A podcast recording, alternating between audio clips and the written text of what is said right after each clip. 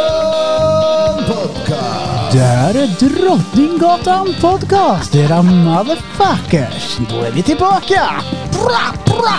Ja man, vi är tillbaka. Vi kör ett eh, ytterligare bonusavsnitt. Skiddibi bonus. Idag har vi med oss eh, Marcus Berg igen, som var med avsnitt nummer 10, eh, Kumlaanstalten.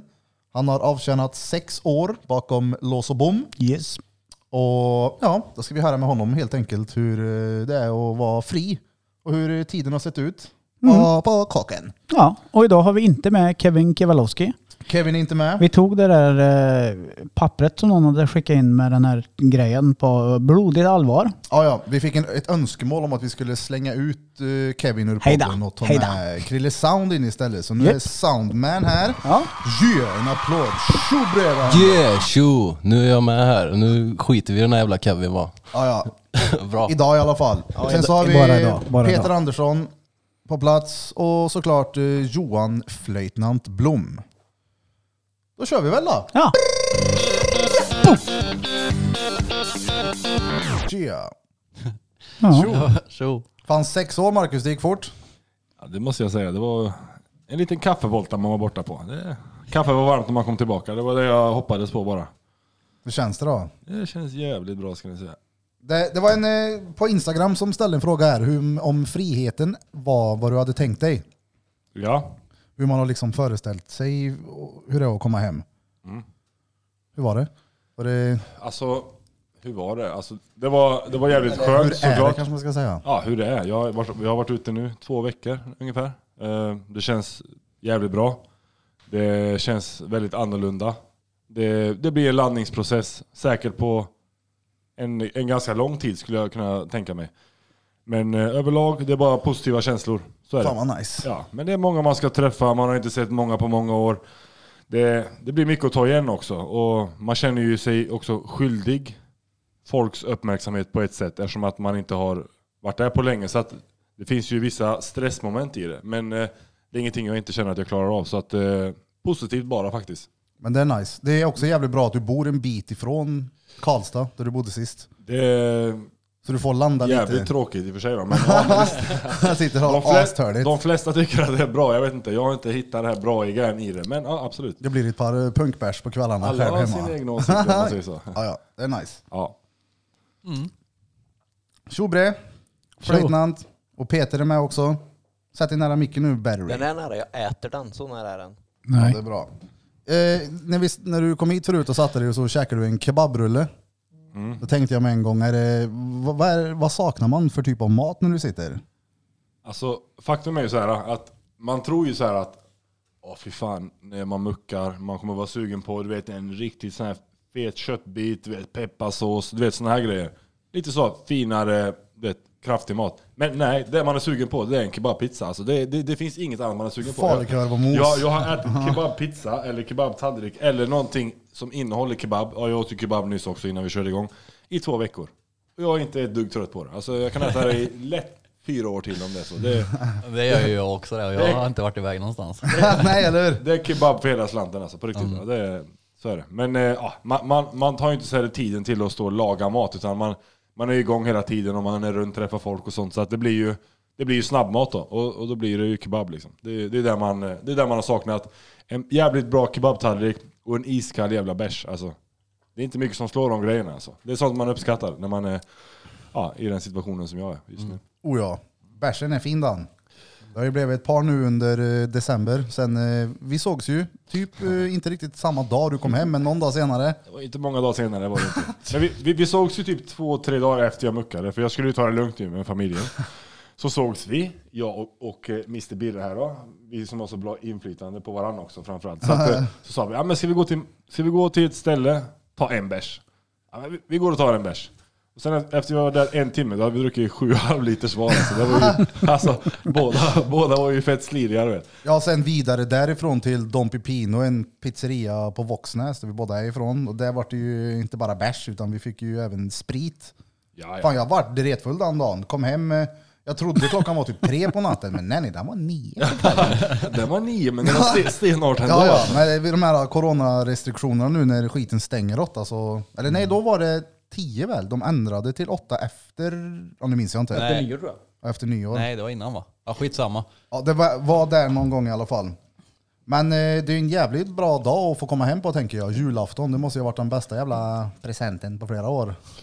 Eh, absolut. Det är, det är ju både ja och nej på, den, eh, eh, på det påståendet. För att eh, det är ju skönt att komma hem på en högtid där det är liksom, som är familjebaserad. Det är väldigt mysig känsla. Jag har alltid uppskattat julen mycket. Även inne på kåken. Jag har, liksom, jag har ju liksom tagit in julgranen på avdelningen har jag liksom tagit in i mitt rum. Så plitarna bara, men Marcus du får inte ta julgranen på ditt rum. Jag bara, "Ja, men ta ut den då. Jag kommer ta in den igen du vet. Så att jag, har ju liksom, jag har ju brottats med dem typ så här i sex år nu. Liksom. Jag ska ha fucking allt julpynt liksom. Sen ibland har jag ju suttit på avdelningar där det är bara jag som firar jul liksom. Så jag har sagt, vad fan, varför ska de ens ha julgran? De vill inte ens ha en julgran. Liksom. Låt mig ha den på rummet, vad är problemet?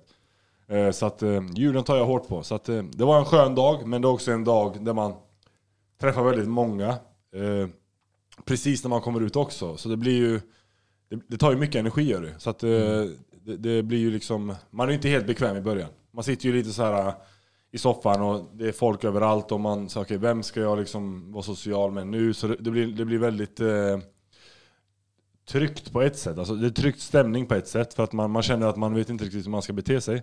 Samtidigt som att man är jävligt nöjd ändå över att man är med alla de man tycker om också. Så att, eh, ja, det, det är dubbelt är det. Men eh, jag fick vänja mig fort också. Vi, vi var bland mycket folk och eh, jag har inget problem med det just nu. Jag har varit ute två veckor bara men eh, ja, som du vet, jag träffar ju folk hela tiden. Och Ja, ja. det är inte så att jag går runt och är kåkskadad och, och du vet, jag måste lägga mig kvart i sju fortfarande varje dag. Utan, Men är det någonting man, som du kan sakna ifrån kåken? nej, alltså jag, jag, jag eh, värderar ju min frihet eh, betydligt högre än det mesta. Liksom. Ja, ja, självklart. Eh, Men jag tänker att om det är någonting just typ, jag tänker rutinmässigt. Jag är en sån som jag behöver ju fan rutiner. Jag menar jämför man mina veckor när jag har dotter och inte har dotter, jag är ju fan sallad så fort hon drar. Ja. Alltså det är, jag halkar efter med en gång, men när hon kommer, du vet så här, okej, jag måste upp sju och jag måste hem en viss tid. Det är lite svårare nu när hon är större, när det inte är fasta tider och typ, hon bestämmer ju mer eller mindre nu så. Exakt. nej, men eh, hon har dig varannan vecka, känns det bra? ja, exakt! exakt, exakt. Det är skitunge. Nej men vad fan, det är, det är, bara, det är bara nice sådär. eh, Med det här med rutiner och sånt. Det blir ju väldigt eh, fasta rutiner kring träning exempelvis. Och det är ju någonting som, ah, man kommer ju inte igång med det dag ett man kommer ut. Och det är ju bara att inse, för det, det gör ju ingen liksom. Utan, men det viktigaste är att man kommer igång. Så jag har väl lite pusselbitar kvar jag måste få på plats för att jag ska kunna komma igång ordentligt och få min vardag som jag vill ha. Ja, ja, men du har väl ändå legat i ganska så ordentligt med träningen under tiden som du har suttit? Jag har ju tränat eh, Jag kan tänka mig att du har, ju tränat betydligt mycket mer de här sex åren än vad någon av oss här inne har gjort. Så Det kan jag garantera. vi, vi kan ju gå alla och köra ett pass om ni vill, Ja. så, så ska vi se vem som orkar med. du så. eh, förtjänar att vila en liten stund Det- från gymmet. Det är många som har lämnat den träningsgruppen genom åren om man säger så, för att de inte orkar. Det kan jag ju säga dig. Så att träningen har jag hållit stenhårt på, verkligen. Eh, det blir lite slappt nu i början när man kommer ut, man måste landa, man ska träffa folk. Men ja, så småningom så kommer vi igång. Jag tänker nu till veckan, kör vi igång igen. Tillbaka till eh, de rutinerna som La, man la, gillar. lagom till att eh, restriktionerna ändras nu och regeringen stänger gymmen. Nej, nej. Precis, det stängs inga gym. Får köpa kettlebells och köra här nere i poddrummet. Ska det bli så eller? Ska de stänga eller? Jag vet faktiskt inte. Jag läste någonting om nå man skulle ha 10 kvadrat eller något per person eller någonting va? Mm, något sånt eh, var nya Mm. råden. Ja. Man har väl röstat igenom en ny pandemilag tror jag, våran Ja. underbara regering. Den är hemsk den. Barry Pack sitter och säger nej, nej, nej, nej, nej, nej, den är Men det är hemsk. klart de mixtrar ju med grundlagarna. Det är ju inget bra att de börjar med det. Ja, De finns ju där av en anledning. Har de börjat en gång kan de börja fler gånger. Ja. Det är ett sätt att kontrollera oss, jag lovar. Så är det. North Korea. Ja, Kanske det blir så småningom. Eh, vänta, jag vill bara lägga in en, en, eh, flika in en grej där. Du frågade om, eh, om det är någonting jag saknar med anstalt, och vilket Ja. jag har sagt att jag inte gör, för att jag värderar min frihet högt. Någonting jag saknar det är ju många av de bra människorna som jag möter inne. Alltså som har extremt stora hjärtan och har gjort min vardag jävligt bra. Och vi har haft grymt kul tillsammans och de har haft mycket positivt att, att komma med och tillföra eh, till mig. Liksom. Så att, eh, ja, de saknar jag ju definitivt. Men eh, själva eh, vistelsen i fängelset, den här kontrollerade ja, situationen man är under, under kriminalvården, den saknar jag inte. Så att, eh, men absolut, de grabbarna som jag gillar, de eh, hoppas de kommer ut så fort som möjligt. Så att eh, Ja, ja, självklart. vi kan ha roligt. Oh ja. Är det, Vi må, har- vi är det har många, kontakt är det många av eh, folk du har suttit med som har reach out nu när du har kommit ut liksom och bara nu äntligen kan vi gå och äta en deg tillsammans? Eh, Det är det, verkligen också måste jag säga. Jag, jag, jag skulle nog kunna åka till vilken stad som helst i egentligen hela Sverige och så skulle jag kunna ha en jävligt rolig kväll med, med folk som gärna vill att jag ska komma också. Så att eh, det har absolut gett mycket positivt på den fronten. Det är inte så att jag inte haft vänner innan jag åkte in, det har jag absolut haft. Jag har alltid haft ett stort alltså nätverk så. Eh, Sen har jag tytt mig till ett fåtal individer oftast, det är så jag rullar liksom. Jag har tre nära vänner, sen har jag många som jag känner. Men eh, ja, nu, nu har jag många vänner skulle jag säga. För jag tror det är i Svensson, som vi säger, Svenssons vanliga svens, Svensson-svenskars ögon på folk som sitter på kåken. Ja men jag vet inte hur jag ska förklara, men vanligt folk då. Eh, Gemene man. Ja, kontorsarbetaren som jobbar 8 till 5 på något kontorshotell någonstans. Tror nog, eh, har jag fått känslan av att dens förutsättning är att folk som sitter, de får polare där men sen när de eh, släpps så är de inte polare på riktigt utan det var bara när de var där typ. Det finns säkert den fördomen och det kan jag säga att eh, det stämmer ibland. Och ibland stämmer det definitivt inte. Det är många som man får en uppfattning om. Nu ska vi tänka så här. Det som gör att du kommer nära en individ inne i en anstalt, det är ju att ni ses ju. Bor, bor du på samma ben, eller som korridor kan man säga då, som en, en person i ett år. Då kommer du se honom från sju på morgonen till sju på kvällen. Alltså varje dag, ett helt år. Du kommer se honom på morgonen. Hur är han på morgonen? Är han morgongrinig? Hur är han när han inte har käkat än? Är han sur?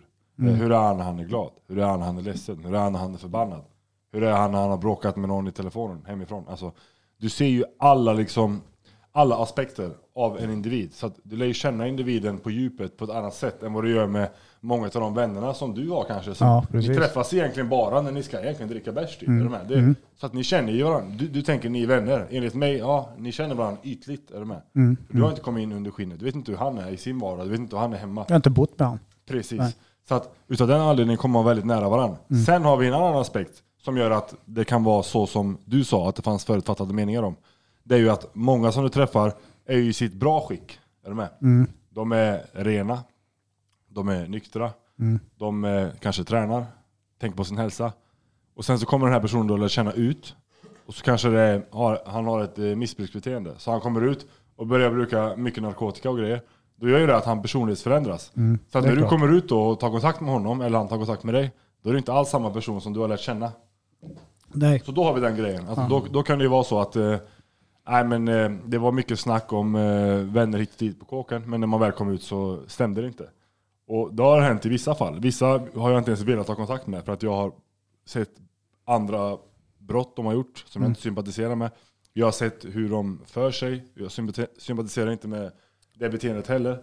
Men 80% av de som jag har kommit nära har visat sig vara de jag har trott att de var. Men då har jag inte haft 100 pers nära heller, liksom, på varje anstalt jag har varit. Utan jag har tagit några in till mig. Jag, jag har ju liksom, de jag har, eh, har kommit nära, de har ju sagt till mig, vissa av dem så här, Fan jag trodde att du hatade mig i början typ. "Ja, Varför trodde du det? Nej men du, du, du det kändes som att du, du, du tittade inte ens på mig typ. Det var som att jag inte ens fanns för dig. Det var så här, du bara gick din väg typ så här, nonchalera. Ja men det är så, för det är så jag jobbar. Jag observerar en, en period innan jag tar mig till dig, eller tar dig till mig menar jag. Då har jag observerat dig en längre period och känt av dig. Hur beter du dig i den här situationen? Hur för du dig bland de här individerna? Och så läser jag av. Och då väljer jag så här, är det här någon jag tycker är skön? Ja, fine. Då ska jag öppna upp och- starta samtal med dig och bli din vän kanske. Så att, eh, det är därför det också ofta stämmer för mig nu när jag har kommit ut att de är som jag har trott. För att jag har inte blivit vän med alla. Jag har tagit till mig de som jag har känt gett en bra vibe och verkar vara äkta. Så att eh, det är nog därför. Men sen är det många andra som har suttit som är, har 400 bröder tror de när de muckar liksom. Och så har de kanske två i slutändan. Det är mycket möjligt att det är så. Men i mitt fall, jag är jävligt nöjd. Jag känner att jag har fått en korrekt bild av de flesta faktiskt. Som har visat sig stämma nu när de hör av sig och sånt. Så det gläder mig, absolut. Åh fan. Fint. Vad heter det? Sist vi satt här och spelade in, så innan jag eh, fuckade upp allt material, när jag Innan skulle spara, knulla hela programmet. Tekniken här pajade allting. Nej, men då snackar vi om någonting intressant det här med den där delen. Mm. För du fick ett straff på nio år, Ja.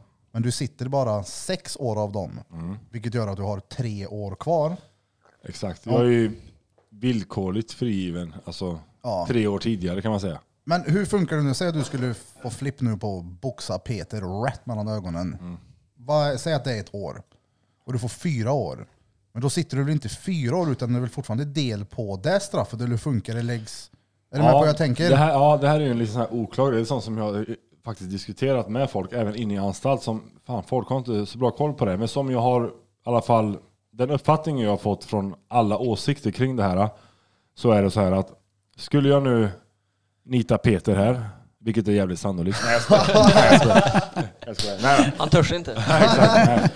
Jag vågar inte. Jag vill se han mot Birra först, den här fighten. Innan, innan, jag, innan jag tar mitt beslut hur jag ska göra. Det kommer. Ja, vi, ska- vi ska slåss Peter. Exakt. Nej, men skulle, jag, skulle jag slå på Peter då, leker vi med tanken, vilket jag absolut inte kommer göra, eh, och, få, och få tre år, säger vi, grov misshandel tre år.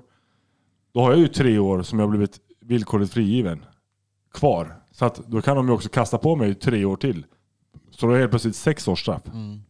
Och får jag sex år, tre år på del och tre år för Peters ansikte som är förstört.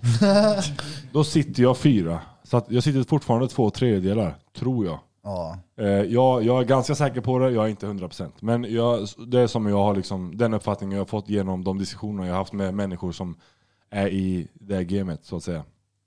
Mm. Ja, så att det blir ju inte något vev med Peter då, för det har jag inte råd med. Det kostar för många år. Men Det, det är inte värt Och för fyra. många tänder. Ja exakt, exakt. jag vill ju inte dö heller. Jag har ju nyss muckat så jag vill ju ändå leva ett lyckligt liv nu, ett tag i alla fall. Så. Ja, fan Peter ska man akta sig för. Ja, en körare vet du. 75 kilo muskler. Ja, exakt. Vad många inte 45. olika anstalter har du besökt nu genom de här åren? Eh, låt mig tänka.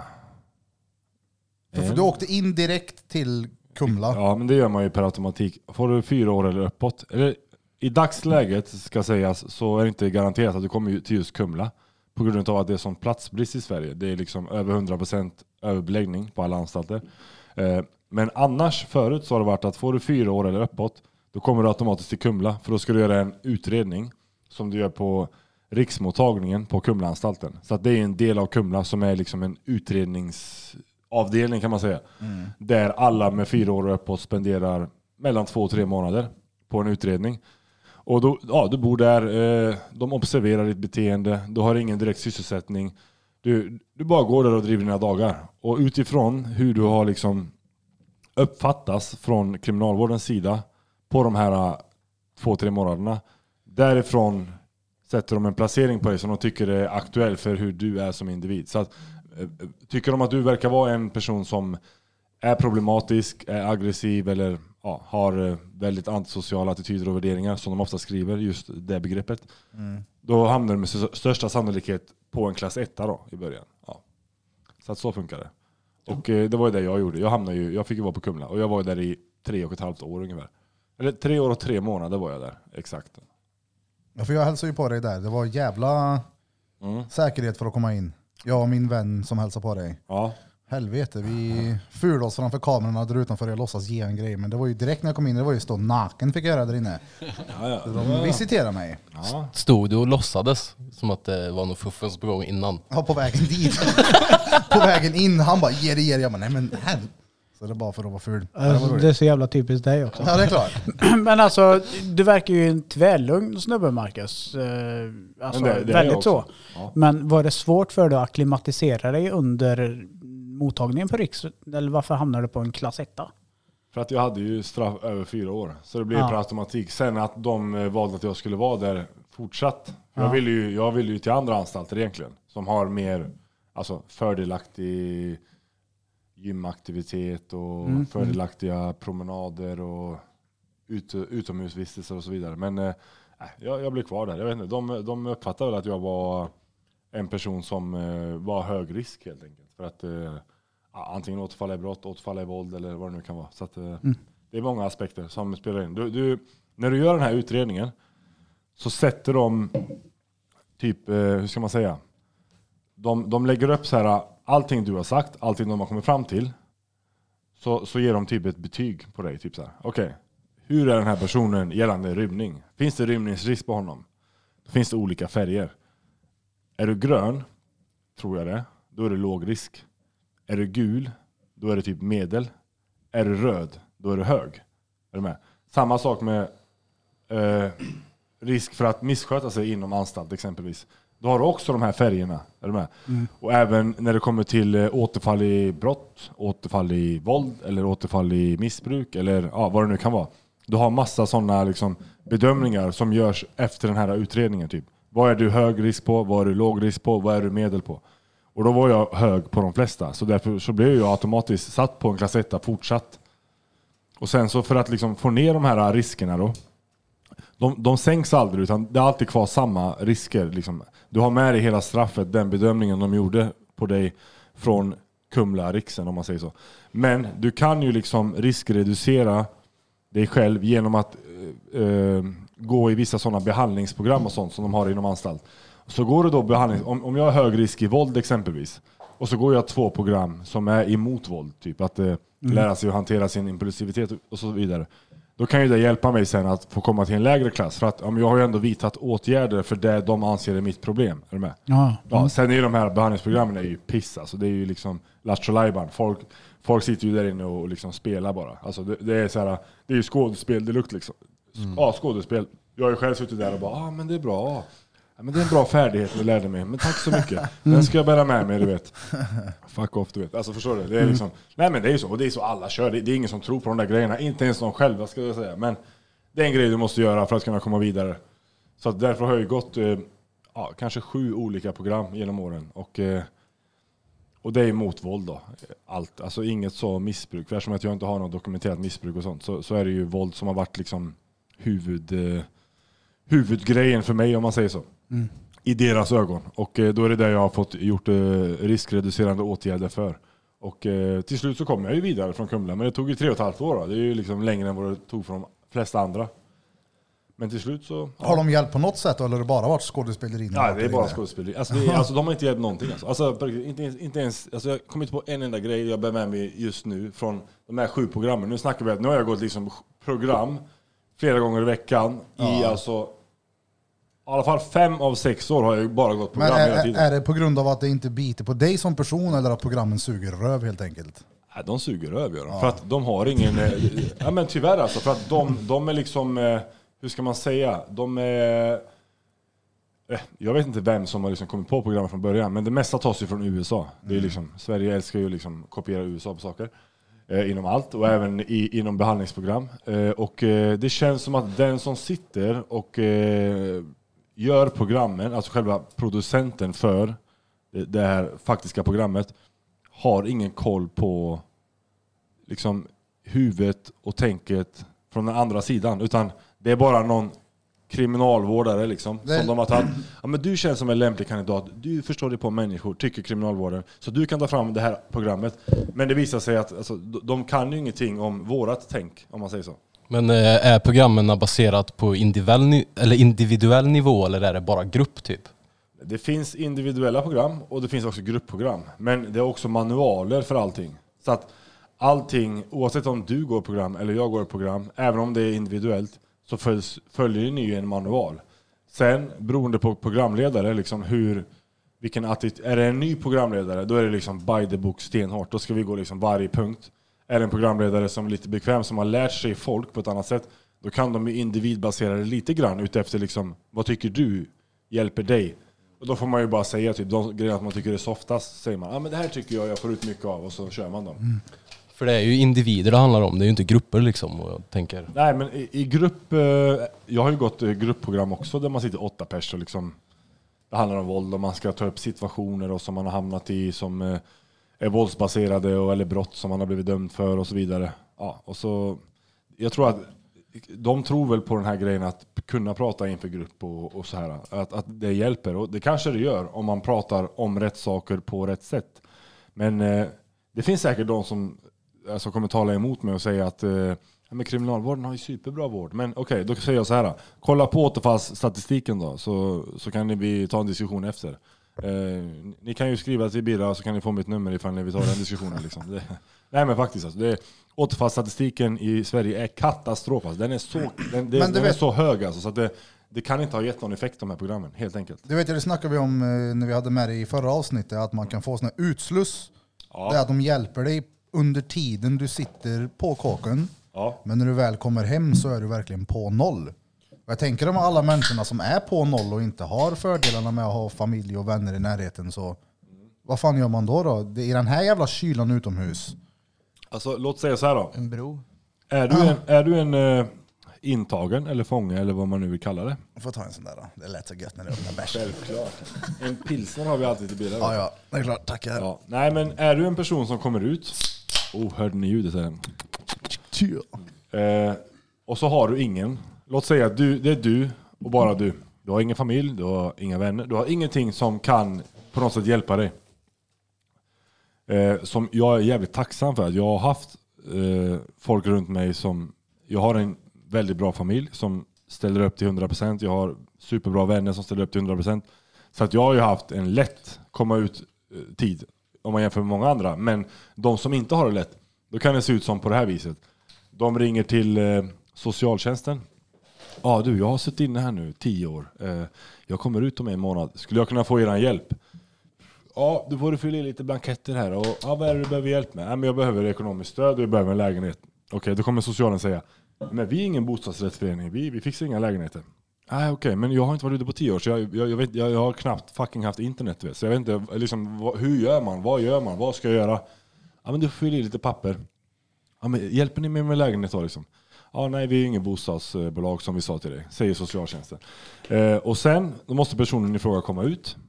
Kanske få en liten eh, slant från socialtjänsten för att eh, köpa lite mat och överleva dagen. Och sen så kommer ju inte han få en lägenhet hos oss. Däremot så kan han ju få ett tillfälligt boende för att ja, han kommer ut och är bostadslös då, alltså uteliggare kan man säga. Eh, då kan de hjälpa med tillfälligt boende som kan vara ja, men ett rum på något gruppboende. Det kan också vara en lägenhet. Det finns lite olika grejer. Men det är i alla fall tillfälligt. Det är ju ingen trygghet att komma ut till.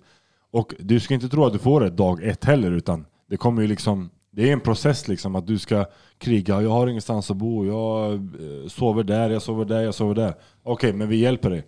Men du får ju ingen lägenhet. Det är det som är grejen. Så att, att folk då återfaller i brott när de kommer ut och sover under en fucking bro, vilket de flesta jag har suttit med på de tyngre anstalterna har ju lite mer ordnat för sig, ska sägas. Så att de ligger ju inte i den riskzonen att komma ut och sova under en bro, utan de har ju bäddat upp det lite bättre för sig. Trots att de sitter inne. Men det finns också många från lägre klasser som muckar. De har ingenstans att ta vägen. Och det slutar ju med att okej, okay, vintern är här nu. Fan, nej, men jag begår ett brott istället. Så jag åker in. För där har jag ändå mitt rum, jag har min säng, jag har min TV, mina kläder blir tvättade och jag får mat på bordet.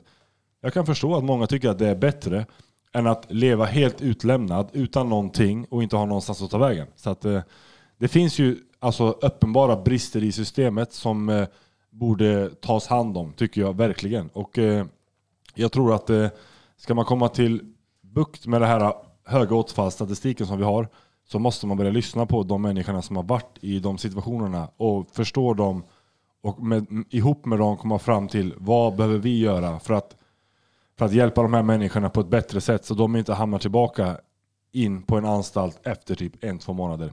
För jag har suttit sex år och jag kan säga som så här. När jag varit på lägre eh, säkerhetsklasser, jag har alltså suttit upp till tre gånger med samma individ. Alltså. Samma individ har kommit tillbaka tre gånger under, under tiden jag har varit där och då har jag kanske varit där i ett år. Så då har de gjort tre straff under den tiden. Det, det säger ju en hel del tycker jag. Och det tycker jag att de som bestämmer ska ta till sig. Sen, eh, sen eh, har de säkert hört det här förut från andra och inte agerat, men någon gång så kanske. Men jag har en fundering om man går tillbaka till det här med de här rehabiliteringsprogrammen. Och om man har en positiv attityd gentemot dem, hjälper de då? Eller om man går in med inställningen att det här är skit, det här kommer inte funka, jag skådespelar, det, då, då funkar det ju inte. Men om du går in med inställningen att jag vill förändra mig, jag vill bli bättre som person, finns det chans att det funkar då? Det kan, det kan inte jag egentligen svara på. Alltså, för jag kan ju inte svara för hur alla andra tycker. Eh, men jag kan ju bara svara för hur gemene man tänker eller tycker inne på de institutionerna. Och det är ju faktiskt de individerna det handlar om. För det är ju de som berörs av vilka behandlingsprogram det finns. Och jag skulle nog säga att på sex år, vad kan jag ha mött i personer? Ah, det måste ju vara tusen någonting i alla fall personer jag har mött under den här tiden.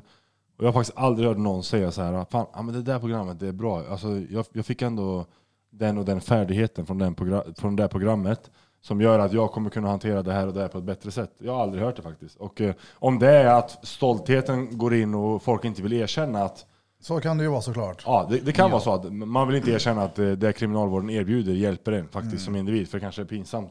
Det vet jag inte. Men min känsla är faktiskt att jag tror inte det. För att jag har själv gått programmen. Jag är inte, jag är ingen dumhuvud liksom. Jag, jag, jag, kan, jag kan uppskatta saker som jag tycker gynnar liksom gemene man om man säger så. Oavsett vart, vart man är och vilken typ av hjälp det är. Men jag upplever inte att det är tillräckligt seriöst och tillräckligt förstående för att det ska kunna fungera. Utan det är mer så här att jag vet bättre hur du känner. Jag vet bättre hur du tänker. Jag vet bättre hur du borde göra.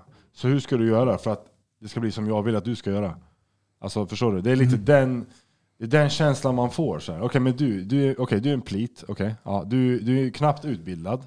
Det är inget speciellt bra jobb. Alltså, det är liksom inget charmigt med ditt jobb, ingenting sånt. Så att vi behöver inte leka akademiker, alltså förstår du? Så att du är ju inte, ut- du är ju inte utbildad inom psykologi. Alltså, du är ju inte någon professor, du är, du är ingenting på den nivån. Men ändå så vet du bättre om mitt liv och vad jag känner och hur jag ska leva än jag själv eller min familj. Det blir ju svårt att ta till sig också. Det Och sen köper jag. Själv, själva liksom också tillvägagångssätten. Vi, vi kan dra ett exempel. Eh, ett exempel är så här. Okej, nu säger jag till er alla. Ni ligger hemma i sängen med er tjej. Ni har barn i sovrummet. Det kommer in en inbrottstjuv. Han kommer in i vardagsrummet. Och ni går ut och ni ser att det är en inne i er lägenhet. Vad gör ni? Ska du kunna på något sätt alltså gå med ryggen rak inför dem. Nu snackar jag inte inför de andra intagna utan inför dem, de eh, i personalen då, alltså behandlingspedagogerna eller vad fan man ska säga. Då ska du säga så här, nej men jag skulle gått in och låst in mig på toaletten.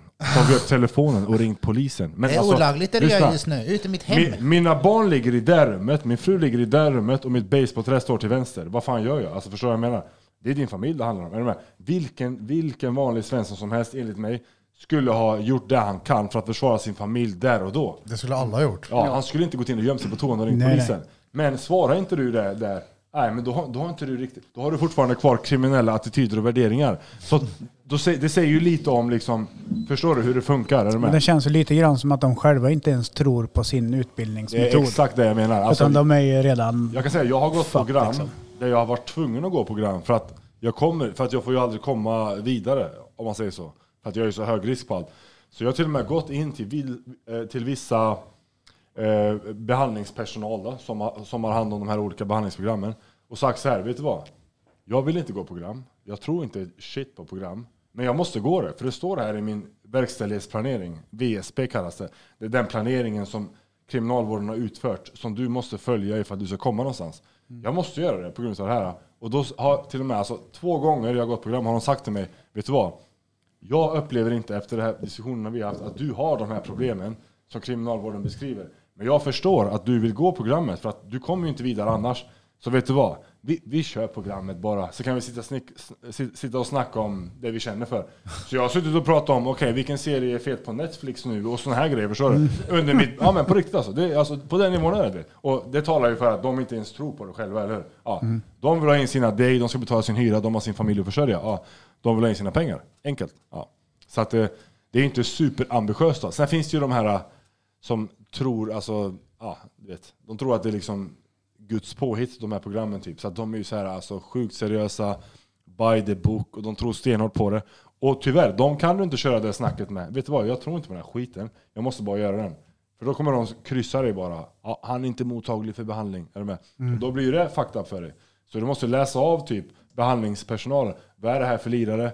Vad kan jag säga till den här personen? Och har han en, en slapp attityd, de har varit med i gamet länge, de vet att deras skit inte funkar. Då kan du ta det snacket som jag sa innan. Men är det någon sån här riktig PK, FI tittar jag, eh, ja, då, då måste du ju liksom, eh, ja, då måste du ju leka att du tror på det, det du gör. Och då får du ju sitta så.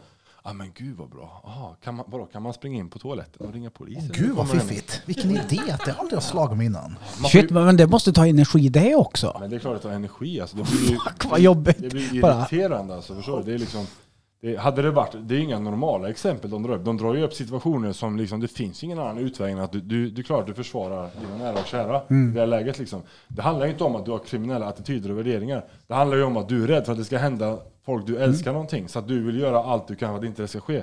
Men det går inte in i en hjärna, alltså hos vissa utav de här. Tyvärr alltså. Och, eh, och det är beklagligt, för hade de haft lite mer förståelse istället, och det hade varit lite mer öppna frågor, där det finns lite mer utrymme för att liksom agera annorlunda, då tror jag att det hade funkat bättre. Ja, men är det inte lite att det är väldigt så här, boksmarta människor som kan följa ett papper men Det- de tillämpar det på en person? Det är så här, de är helt sallad på det. Smarta, det går ju det inte. skulle jag inte påstå. ja men alltså boksmart men alltså... Nej, alltså, det, det, är väldigt, det är väldigt fyrkantigt. Ah, Okej, jag har gått utbildning nu. så Jag har lärt mig att vi går från punkt A till punkt B och Så här sen C och sen vidare. Det låter Ja. precis som Peter. Ja, det är sådana saker som hade funkat på repeat. Ja. Ja, ja, Peter hade passat Universitets-Peter. på... Peter hade gjort de här programmen utmärkt tror jag. Han hade kommit ut som en eh, kristen man. Han Nej. hade gått och gömt sig på toaletten och ringt mamma. Ja, ja, ja, ja, ja, ja. Morsan är farlig hon. Men jag är så okriminell så det finns inte, så jag hade nog ringt polisen från sovrummet. Jag tror Men nu är du den enda här inne som sitter med en kejsarlänk runt halsen. Det är ingen kejsarlänk, det är en kungslänk. Nej, det är en kåklänk. Men, jo men, Nej då, men alltså, alla i den situationen hade ju Ja, det är väl tagit klart. bollträet och sopan i ansiktet. Ja, det väl klart. Ja, nej, nej, nej, nej, nej. Alltså, så är det absolut inte. Inte enligt kriminalvården. Ja, just det. För Nej, då nej. har du antisociala attityder och värderingar. Och det vill man ju inte ha i papperna, för det ser ju inte bra ut. Då kan du ju glömma att du ska komma till öppnare former sen.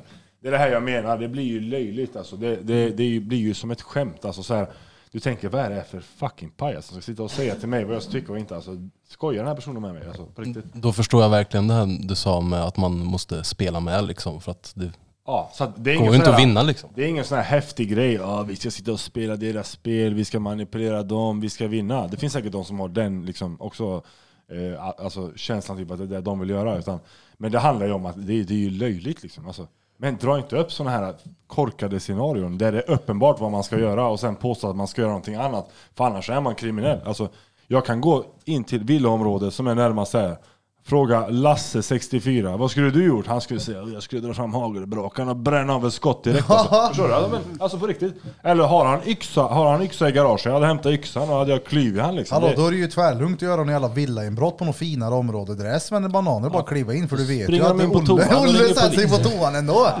Det är ju all tid i världen att gå och leta efter rollen. Ja, Olle han kör, det kan jag säga. Så Ja, ja. men det alltså, gör han. eh, vad händer om du gör de här programmen? Ja. Mm. Liksom prickfritt. Du, du sköter det exemplariskt och sen får du för dig att slå någon. Får du börja om på noll då? Alltså, där har jag ju en liten tyvärr tråkig historia. Eh, alltså, jag, jag gick ju ett eh, program, det mest erkända programmet inom kriminalvården. Som heter eh, VPP. Det är alltså program mot våld. Som, eh, det finns två olika. Det finns en kortare på fyra månader. Och det finns en på åtta månader. Så jag fick gå det kortare då, lyckades jag förhandla till mig. Får vi besök här i studion. Ja. Tjena gubben. Som Eh. Ja, eh, Det är upplåst tror jag. Ja, ja. Så då gick jag, det- då gick jag det kortare programmet.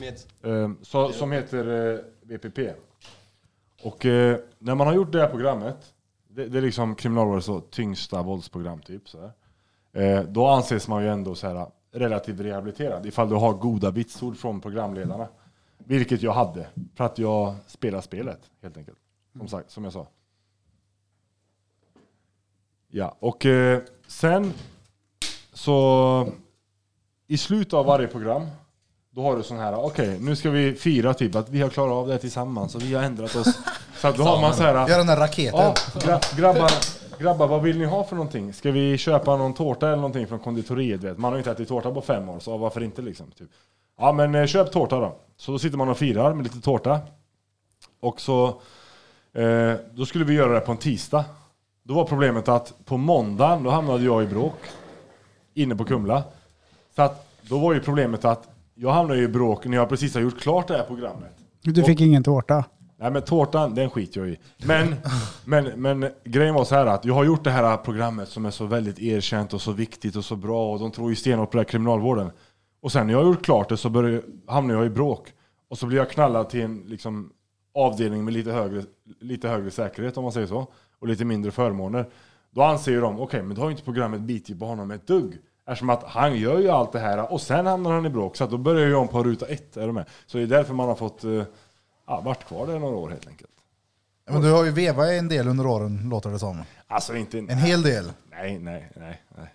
Ja, Nej, nej. nej, nej alltså nej. Alltså, Det leendet. nej, nej, nej, men Okej. det, nej men faktiskt, alltså, nej, inte, absolut inte, inte en hel del. Ja, det, det har hänt alltså. Det har hänt. Ja. Det har hänt, alltså det, och ibland är det ofrånkomligt. Liksom, det, det är ju så. Men eh, jag har ju helst velat att det inte ska bli någonting. Och, eh, jag eh, känner mig inte stolt över de gångerna det har blivit det. Och eh, jag hade önskat att det inte behövt bli överhuvudtaget. Men sen är det så här, ska du ha en bra, en bra vistelse på en, eh, i, i en sån miljö, ska jag säga. Då får du ju också ha dina principer liksom. Och, och stå på det i vissa fall. Då kan du inte tolerera vissa grejer och då kan det skära sig ibland. Och sen finns det vissa individer som, alltså på uts- det där är också som är en viktig aspekt här, som man måste fatta. Det är att på utsidan, jag kan ju träffa en snubbe på en fest som jag bara, fan vad jag inte klarar av den här människan. Det är inte svårare än att jag byter fest eller drar någon annanstans. Ja. Men här har vi en liten korridor med tio rum. Så att jag kommer behöva möta han varje dag, jag kommer behöva äta bredvid han varje dag, jag kommer behöva vara runt han varenda dag. Så att stör man sig på någon där, då blir det väldigt tydligt just där på grund av att du kan ju inte välja en annan miljö. Du, du måste ju vara med han. Så att ofta, alltså det, det man gör, man lär ju sig ibland att leva med individer som man egentligen inte klarar av. Men man lär sig att klara av dem för att det, det blir enklare så. Eh, men vissa, vissa klarar du inte av och, och vissa klarar inte av dig heller. Alltså så är det ju. Liksom. Det är, alla gillar inte mig, jag gillar inte alla. Så enkelt är det. Och så är det ju i vanliga livet, på arbetet, vart du än är. Du kommer inte alltid gilla alla. Men du kan ju ofta välja vem du är nära. Vill du inte vara med någon 24-7 behöver du inte det. Men jag har inte det alternativet där inne. Jag kommer vara runt den här killen från 7 till 7 varje dag, år in, år ut. Och då kommer det skära sig till slut. Så enkelt är det bara. Vi, har ju, vi nämnde när vi satt och snackade förut om att jag och Peter skulle ju slåss. Peter utmanar mig. Han har tjat om den här jävla grejen. Vi ska slåss, vi ska slåss. Och du duckar mig ett år. För att du är min, för att du är min vän. Ja men, ja men de andra som slogs var också kompisar och de gick upp. Det luktar lite rädsla i rummet. Ja men det var ju att de, eh, de hade ju hypat upp det här att de skulle fighta som fan. Jag tänkte ja men vi styr upp det här, ni får köra mot varandra i en ring och det blev. Och sen säger Peter, men vi ska också slåss. Ja. Alltså det är ju svårt för de som lyssnar nu att se hur liten och tanig du är. Så är det ju. Jag väger ju, vad väger du Peter? 75 kilo. Jag väger 108 kilo. Precis. Bara axlar och biceps. Eller mage och, lite, lite mage får jag jag lov att erkänna. Ja, det är noll underdel då. Ja, ja, noll underdel. Och noll kondition. Ja men fan, uh, Peter, det, ja men vi ska ju göra det här. Vi, det ska bli Ja intressant. men jag har ju sagt att jag ska göra det. Det är lugnt. Det, det är inte jag som duckar, det är du som har duckat mig fortfarande. Eh, ni som inte ser Peter nu som sitter ett där med år. sin uh, kåklänk runt halsen. Eh, jag vill ens. tillägga att på hans vänstra kind har han en eh, dermal anchor piercing som liksom sitter fast i skinnet på honom. Ja. Eh, Och Den den kommer sitter sit- snart i skelettet med bevreklam. alltså, ja, att han kommer sitta i min knoge. Nej, det kommer han inte göra. Den Men, sitter i OK-benet var det sen. ja, du kommer ha ett hål i kinden där. Ja. Och det roliga här med den här fighten nu också, här, eh, vi hade en liten paus här nyligen. Eh, Då utmanade även Peter min kollega Smeds. Han sa efter jag har dängt Birra ska jag dänga dig. Ja. Så ja, men det här ska bli väldigt intressant att se hur hur mycket... Fan, vad, du kommer... Du kommer få med stryk i år Peter. Många säger att 2020 var jobbigt men 2021 för Peters ansikte vet du. Uff ja. Du kommer vara ansiktet utåt för corona 2021. Jo men det är bra att ni tror på er själva, jag gillar det, för då blir fighten mer spännande. Det är det Marcus, som är vad tror du om du fick tippa vad- vem skulle vinna först mellan mig och Peter och mellan mig och eh, Smeds?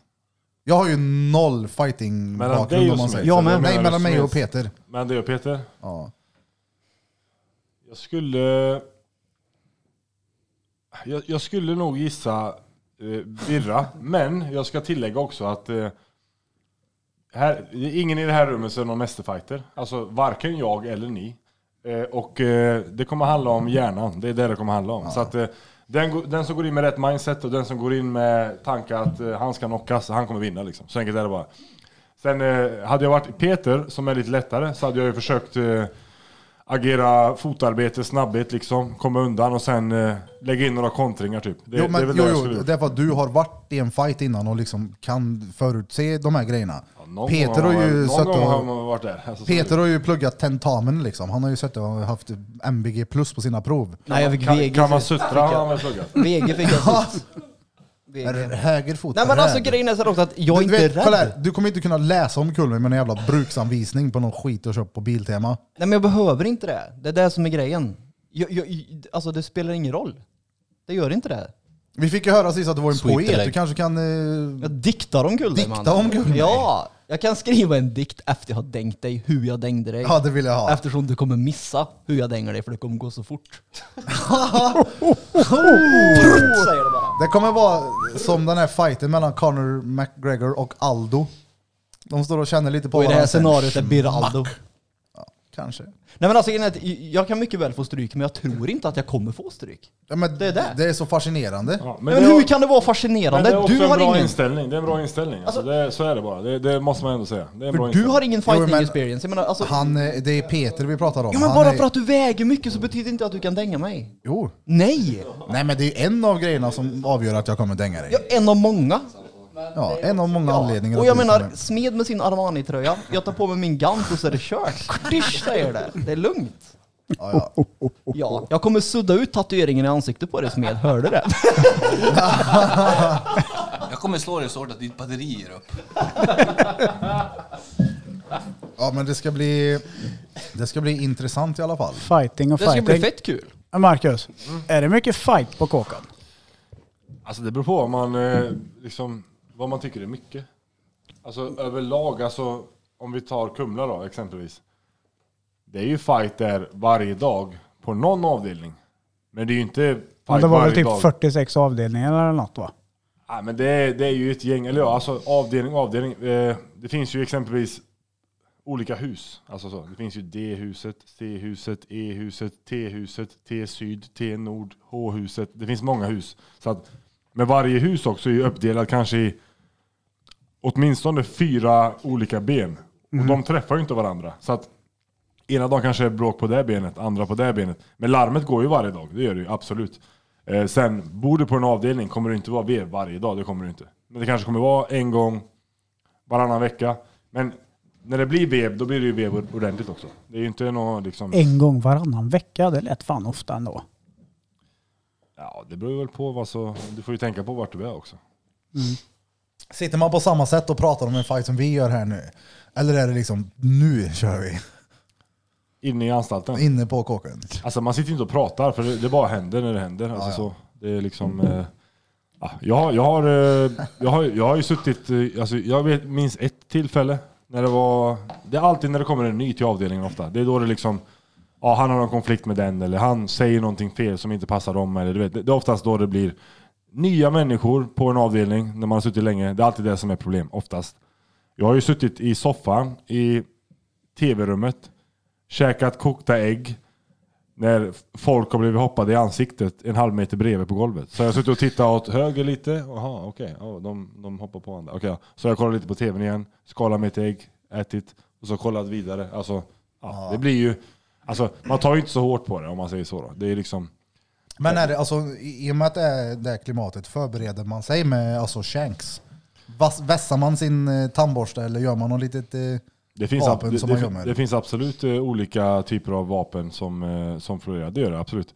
Men sen så är det många som förbereder sig, förbereder sig på andra sätt. Det är exempelvis att är det lite hetsigt på avdelningen, ja, du kommer ju inte gå runt i badtofflor utan du går ju i knutna dojor och liksom ja. är lite mer förberedda. Vi- Vissa som känner, ja, nu kan det smälla när som helst. De går inte till duschen i handduk och, och, och tofflor utan de går helklädda in i duschen. De duschar, de kommer ut helklädda med skorna knutna. Så att, ja, det beror på situation. Jag har suttit på avdelningar där vi har haft tvärlugnt länge. Vi har haft det hur bra som helst, varit ett superbra gäng. Alla är helt bekväma och det är helt lugnt. Och folk går runt hur de vill. Alltså, för man vet att alla respekterar varandra. Så att det beror helt på situation. Men sen kan det komma en ny och så ändras allting direkt. Så att, eh, ja, det är så det funkar. Ja, hallå, vi drar på play här nu. Vi sitter och pratar utan att mikrofonerna är på. Den här diskussionen mellan fighten som ska bli mellan först mig och Peter, sen Peter och Smeds är ju... Peter är förundrad över att du är jävligt självsäker och det Ja, ska du och- ha. Jag kan tillägga så här att även om jag får stryk mot Birra så kommer jag slåss mot Smed. Ja. Så, så att du inte säger att jag backar ur för att jag fick stryk. Oh, Utan ja, även om jag får stryk ja, mot Birra så kommer jag Är det slåss mot redan Smed. klart alltså? Vadå? Nej, nej, nej, men alltså, nej, men även om jag får stryk mot Birra eller vinner mot Birra. Väldigt förvånansvärt att du kan ta på dig att Men jag tänker, vad heter det, du, Smeds, du, hö- du hörs inte i mikrofonerna här så det, den, den biten får vi, det låter Får återberätta. efterblivet. Det Smed sa så här, för du sa så här, ja, men om, även om jag får stryka Birra så kommer jag ändå slåss mot dig Smed. Då sa Smed så här, ja så du får stryk två gånger i rad. Det betyder alltså att han känner att han kommer vinna. Det var bara det jag ville Jaha, ja, ja. Men det är bra att han känner det. Men vad rekommenderar man ifrån en riktig jävla knock då? Hur, eh, hur lång tid efteråt kan man köra igen? Jag vet inte. Två, två dagar? All right. Och det är väl att ta i kanske. Jag vet inte. Men faktiskt. ta två veckor. Ja, det är mer än två veckor. Är det det? Ja. Alltså jag tänker Blir en du knockad, riktig du vaknar ju efter jävla några sekunder knock. alltså. Det- alltså, Du ligger inte död i samma tio dag då. minuter liksom. jag, P- men jag, jag räknar ju med P, alltså koma till... eh, Batteripaketet. Nej men det är intressant, som sagt ingen av oss är fighter överhuvudtaget. Nej. Och dina ben har ju noll muskler. Jo, jo, men di, di, dina ben är inte speciellt muskulösa de heller. Men du har ett arsle som börjar vid nacken och slutar vid hälarna. Så att jag är Nej, inte nej. orolig. Jag säger så här Peter, Kolla, jag har, ta ing, med dig startkablar. kolla, jag har ingen röv, jag har två lår som sitter fast i min rygg. Men ändå så kommer jag... Jag når nog upp till ansiktet på dig med foten. Okej, men det spelar ingen roll hur mycket. Jag tror, oavsett vad du säger, vad du hävdar eller vad du påstår, så tror jag fortfarande i mitt huvud att jag kommer att dänga dig. Det är därför jag går in med det här. Och detsamma gäller Smed. Smed kan säga att han har slagits tusen gånger och det kan du med göra. Det spelar ingen roll. Ja men det har jag inte. Nej, men jag kommer, fort, jag kommer fortfarande gå in med inställningen att jag kommer vinna det här. Ja, men Annars det hade bra. jag inte utmanat någon av er. Exakt. Alltså, har ni sagt några regler? Får ni ha knivar eller liksom vad Ja, är ja, det? det. Nej, jag tänkte om det skulle vara värt att komma och kolla alltså. Ja, ja. Inga armbågar. Har vi sagt. Alltså jag tänker en... Något, eh, något tillhygge kan man ju tycka eh, är rimligt. Ja men det behövs inte. Det är Kom, Peter vi kompisar snackar om. emellan. Peter har ju batteriet. Ja, Peter har ju batteriet och jag har ju, insul jag har ju diabetes. ja. Jag ska dyka upp med bra jävla blodsocker och då har du ingen chans. Nej, men om Peter får ha en Glock typ och så får du slåss med vänstern. Så Ja, blir ja. det inte rätt jämnt Ja, eller? men Exakt, då är det jämnt. Nej men det ska, bli, det ska bli kul Peter. ja, det ska bli fett kul. Och som sagt, jag har ju ingen erfarenhet av fighting, men det är någon enstaka gång på fyllan, men det, det kan man ju inte räkna. Nej, men det Och sen- roliga med Det är allt det inget här man är- minns ändå ju. Nej, Nej, men det exakt. roliga är ju att jag kommer ju inte ta lika hårt på om jag får stryk som vad ni gör om ni förlorar. Alltså, det är det som är det roliga i det hela. Är det här en, en grej han kör bara, intala sig själv eh, sak typ att Nej men jag kommer ju inte göra så, för att det egentligen är så. Det är det Alltså- jag lite undrar. Jag Nej, nej, nej, nej, nej, Marcus, absolut. får Marcus. lite sådana vibes, att han försöker övertala sig själv nästan att han kommer inte må dåligt när han får stryk, om det, han får stryk. det är det jag säger, Peter är sarkasm. Nej men det är inte sarkasm, jag förstår inte. Jag vet, du... du Nu kan in i Du tror- försvarsposition du- också, det vet man ju vad det betyder. ja, men jag må, du tror ju verkligen att du kommer vinna. Peter sitter där i sina Y-frontskalsonger och vet att han inte varför har har du en armarna i chans. kors nu Peter? Jag De, inte. de är inte i kors. Blir du arg nu? Nej, jag är inte arg. Jag är bara... Åh, ja, jag har haft så många flickvänner som säger nej jag är inte arg. Jag är inte arg. Ja. Nej, men du har suttit så i tre dagar, hur kan du inte vara arg? Nej men jag är inte arg. Det är bara beundransvärt, det är det som är grejen. Känner du igen symptomet? Ja. Vad är din strategi då Peter? Vill du dela med dig eller blir det en överraskning? ja, nej, jag kan absolut dela med mig. Jag kommer att satsa på att trötta ut er. Är det, okej. Och sen en knock. Uttröttning och sen knock. Precis. Okej, ja. Intressant. Hur kommer knocken gå till då? Är det liksom rätt på mun så jag somnar eller kommer det vara... Kommer det slå mig på bukspottkörteln till att börja med? Alltså, jag, jag har ju rätt bra koll på anatomin när det kommer till kropp, så jag ska försöka sikta på levern. Ja, Peter har suttit och pluggat här nu. Jag ser framför mig hur Birra har dropp med insulin i och så hänger det en kabel ut ur röven på dig så är det Paralympic fight. Para, Paralympics. Alltså, jag har ing- det, det är min strategi, för jag vet att jag har bättre kondition än dig och jag är förmodligen snabbare än dig eftersom jag är lättare än dig. Punkt. Alltså kolla här, ja, du har mycket bättre kondition än mig och du är snabbare än mig. ja. Men dina slag, alltså det, de väger ju ingenting. Nej men det betyder inte att man inte kan träffa rätt. Jag kan ju svälja några slag. Jo men det får du. Tre Absolut. av dina är ju ett av mina. Men det vet du ju inte. Kevin slog ju tydligen hårt. Och han väger vad då? 55? Slog han hårt ens eller? Ja. Gick inte han på choke typ eller? Vad? Nej men alltså han, ni sa ju här i Ja, men pausen nu- att Kevin slog hårt. Nej men det var vi, vi snackade om att Blom slog hårt för vi var på en krog här i stan. Ja men det är Och den jävla slog på en sån maskinen, här, det är ju exakt. liksom, fan det är ju det är liksom Bingolotto för fan. Det är ju, Ja, han det träffade handlar ju väldigt, om, väldigt hade du rätt. tur eller inte, det handlar inte om om du slog bra eller inte, det kan jag ju säga. Då kan man säga att Kevin hade tur. Varför men- skulle inte jag kunna ha tur? Men Blom slog ärligt hårdare än vad jag gjorde. Ja. Det- Alltså det var ju flera gånger jag slog på den jävla grejen och Det tog talar ju inte som för fan. dig då inför fighten då, om man säger så. Nej men kolla här, jag behöver Jag, inte... jag, har ju, jag har ju vevat med blom en gång med vänsterhanden bara på fritidsgården. Och jag, jag tycker inte att jag fick så mycket hårda slag. Så att, eh, ligger du under Bloms nivå, då...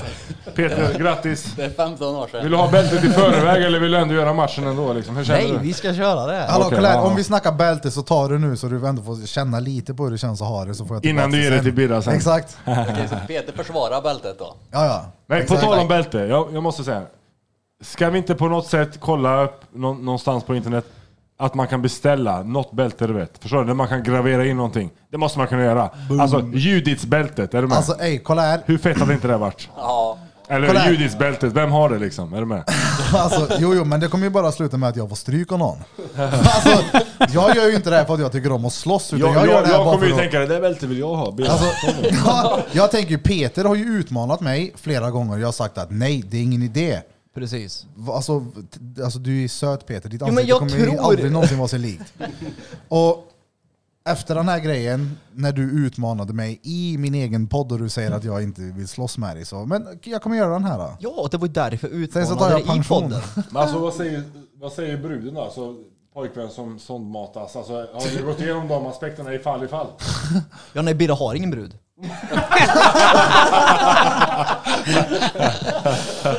Jaha, han är singel nu, okej. Ja, ja, Ja, ja. ja, ja. Men eh, då får... Ja, det var en bra kontring, det får man säga. Det är bra Peter. Men du kommer... Eh, De som är lika rapp i händerna. du sa, du, när skulle du till Idre? Vilket datum? Eh, nu till helgen. Nu till helgen och sen efter det någon gång? Ja. Som jag har sagt, efter vecka två någon gång. Sa ni när han ska gå i ide? Med, med förbehåll. Alltså att du får gärna säga till när. Vadå, planerar Birra jaktolycka nu eller? Liksom, vad, vad, vad är grejen? Skoterolycka. Ja, det där vi ska skylla på sen Peter. Jag, jag trodde det var en Nej, ren. alltså- Jag trodde det var en ren. Jag kommer inte skylla på... Jag, alltså, jag, det spe, jag kommer ställa upp, punkt. Ja, Oavsett, jag, jag kommer att ställa upp. Så är det Ja, ja. bara. Och jag förstår inte varför jag inte skulle göra det. nej men det är... Ja men det är, det är fett. Okej, och, vänta, vi gör så här. Jag, har- jag har en idé nu. Bara, bara så att alla som lyssnar på det här ska få någon slags idé. Så, så vi lägger upp en face-off-bild någon dag. Ja. Där du får stå, så får jag stå, så får de se. Ja. Eftersom du hela tiden hävdar vikt och så vidare. Så Vi lägger upp en sen på Instagram och så skriver vi så här, ja men det kommer bli en match, Vem? så får folk rösta helt enkelt. Ja, lätt. Ja. Lätt. Nice. Så. Lätt. Men du får göra det efter det här kommer ut då. För Ja det kan vi göra. Ja. Eh, Jag, ska, jag kan ta med datorn hem så ska jag få ut det här så fort som möjligt. Bra. Och så ska vi... ja. tar vi Jag pick tror inte efter det så är det ni lugnt. kommer Okej då inte Krille, komma. vem, vem vinner mellan mig och Peter? Sju timmar senare. Birra. Ja du ser, han var tvungen att tänka. Det är Drängen. inte självklart. Va, ja, det är du. Ja det är jag. Blom. Ja, ja. Ja, jag tror du. Det har Och jag gjort hela tiden. Marcus. Vad sa du? Vem tror du? Jag, jag, jag, jag kan... Jag Säg Peter så snälla, säg Peter. Nej, nej, men, nej jag, jag ska säga. Jag tror att Birra tar det.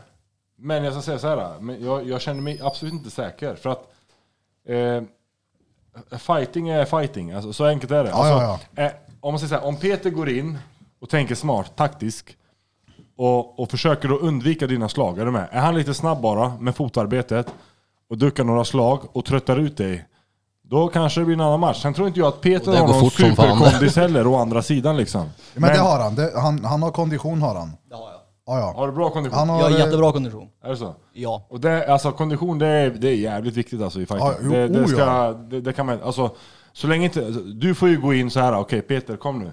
Kommer jag så viskar en sak, bam! Och så ska han ju dö typ. Alltså, det är ju typ, det är ju det scenariot som är ditt bästa scenario. Ja, ja. Peter han kan ju hoppa runt där han som en liten känguru. Ah, det är så här, kom då Birra, ta mig då. Och så klarar han sig ett, ett tag och du blir trött. Ja, då kommer inte du ha mycket, lika mycket kraft kvar i dina slag. Så att det, det ska bli intressant. Alltså ja, ja det, det är klart att kraften kommer ju försvinna i mina slag, men alltså skenbenen mot ditt, din knäskål. Jag väger en del. Jo, jo, jag vet att du väger en del. Men det- ja, och? jag, jag kan läsa fort. Och komma ihåg saker. Det är bra. Ta med dig... Jag kan läsa fort. Ja. Nej, men att du, vä- du kan inte bara, I min värld så kan du inte bara köra på att jag väger mer än dig, jag kommer dänga dig. Kolla jag vill ha er i min ringhörna, Peter har med sin bokhylla. Nej, jag, menar, Peter kom med en sköld. ja, ja, ja, jag menar bara att jag tror inte att vikt är allt när man inte kan slåss. Nej, det är klart inte. Alltså jag tänker, Men jo, enligt det här Ja, ja, så är men det nej, nej, Och jag det är tror klart inte det. Utan, menar så här inne nu när vi ska Men det är som köra- Marcus säger också, det är mindset så in i helvete. Den som är mest fucked up, det är den som kommer vinna i slutändan. Ja, ja. jo, jag, jag, jag som sagt är inte rädd för att han träffar mig. Gör han det så gör han det. Och jag menar, jag, det spelar ingen roll hur vägen ser ut till att Birra ligger på golvet. Jag kommer ta, även om jag ska springa runt som en kärring så spelar inte det någon roll. Jag, jag skiter i om jag springer åtta varv och är, rädd för Erik. Så länge jag vinner Ja, honom men så alltså, spelar det ingen du, roll. du snackar om att du ska springa, vad ska du springa ifrån? Nej, du men- står ju och väntar på att du kommer nära så får du ett knä i magen. Jo, jo, men jag menar bara att min taktik till vinsten, det spelar ingen roll hur den blir för att jag tror att jag kommer vinna. Det är det. Min taktik är att jag kommer slå dig i revbenen ett par gånger. Ja, och min taktik är att undvika Alltså, att du slår mig i revbenen. hårt, Peter. Jo, men alltså du får, du får slå jag kommer mig. inte göra sådana där uppercuts som vi såg i förra videon. Mm, det hoppas jag inte. Med en rak arm, utan att det här kommer vara, det kommer vara tryck bakom dem. Ja, De men- kommer landa rätt på din mun. Det är okej. Det är lugnt. Ja, det är bra. Ska vi släppa det nu då? Ja, sluta satan! Hej Bubba Ribba! Vi pratar Matata. fighting i 20 Det är det minuter. jag säger, det kommer ingen vart. Och det, varje gång vi tar upp det här så är det samma. Peter tror jag kommer vinna, jag kommer göra det här, jag kommer Gustafsson springa. Och Ja. du tror att du kommer vinna. Alltså, Ja. Ja, Det- ja, men vi får ju det, se det, Om alltså, typ tre veckor vet vi. ja, det är ju kul. Ja, något sånt. Och som sagt, jag menar, det, ja, det finns en chans att du har jävla flyt Peter. Att Ja. Min kondition, jag kommer fi- det finns en gasa chans. ut Och liksom. Det är och- klart, du kan, kommer ju också få ont. Det är inte så att han bara kommer ta emot stryk, för någonting kommer Det kommer ju kännas i dina Ja, det kommer ben när du kännas laddar på på dig hans med. ben. Ja, ja, det vet jag. Du Han, kommer ju också få ont. jag menar, hoppar han upp på mig så kommer det vara som att vara tillbaka till skolan och ha en tördig ryggsäck på mig liksom. Jag slänger han åt helvete. Jag får bilden från Sagan om ringen när Gollum hoppar upp på, upp på Sam eller vad det är och bara slår han och grejer. Men det är bra. Det kommer bli fight och det kommer komma upp en bild och ni kommer såklart att få rösta på vem ni tror. Ja, Ja. exakt. Och den här fighten kommer ju givetvis ske på eh, hemlig ort. Vi Mm. Med får inte- begränsat antal människor. Ja, det kommer inte bli alls många. Det kommer mm, alltså mer eller mindre bli vi som eh, kör. Podden. Exakt, Ja. ja. podden, vi som Vi slåss. får ju köra live. Nej, vi spelar in det.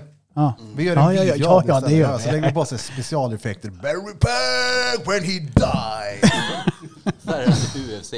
Ja, jo. vi eh, kontaktade Joe Rogan, både sett de här talangerna från Karlstad, det är Battery Pack och det är diabetikern. Alltså det kommer, ja, jag, tror att, jag tror att det kommer se fett kul ut när vi slåss eftersom ingen kan slåss. Ja, ja, ja.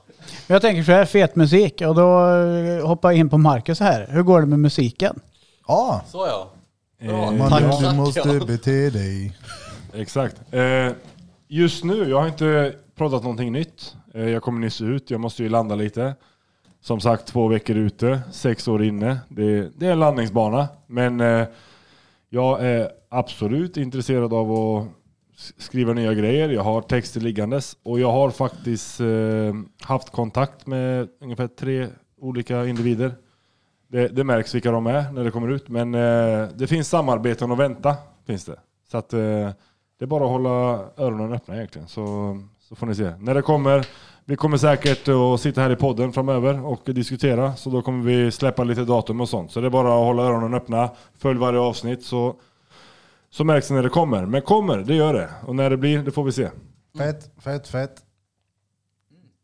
Pratar vi lite musikvideo och sånt också till, så att eh, det kan man också kika efter. Ja, ja, lätt. Eh, Danne frågar här, alltså, hur går det med musiken? Vet du vad jag är nyfiken på hur det går? Nej. Hur går det med Tinder? Med Hur går det med brudarna nu när du kom hem? Ja, men, jag Alltså- måste tillägga att ni som inte ser honom, han, är, han ser väldigt, väldigt glad ut. Alltså, det, det har ju inte varit torrt sen jag kom ut, det kan jag säga. Nej, nej, nej det fattar jag. Det, det är inte min sämsta tid i livet, det, det ska jag inte påstå. Liksom. Det är bra. nej, nej, men det, jag, jag, jag klagar inte. Jag är nöjd. Det, det går bra. Jag driftar inte så mycket Tinder om var, som du syftar på, men eh, det går bra ändå. Ja, nice. Jag, jag känner mig nöjd med situationen och eh, jag har bra människor runt mig och eh, även bra tjejer runt mig. Perfekt. Att, ja. Hur ser situationen ut när man sitter på kåken? Med damer och besök och sånt där? Då har du det beror lite på vilken anstalt du är på. Men eh, du kan ju ha besök. Det finns ju besöksrum. Och eh, det är lite olika upplägg. När jag satt i Kumla så var det, då var det besök från klockan nio till klockan två. Så det är ganska länge. Och då kommer du in i ett rum. Ja, du går igenom lite säkerhetskontroller och sånt. Även din besökare. För du har ju själv varit på besök hos mig i Kumla så du vet ju hur det ser ut. Ja. Ja, eh, men eh, du kommer in i ett rum, det är en liten tvåsitssoffa. Det är en liten soffa, tvåsits på andra sidan utan ryggstöd. Casting. Men ett tips om någon ska åka in så småningom.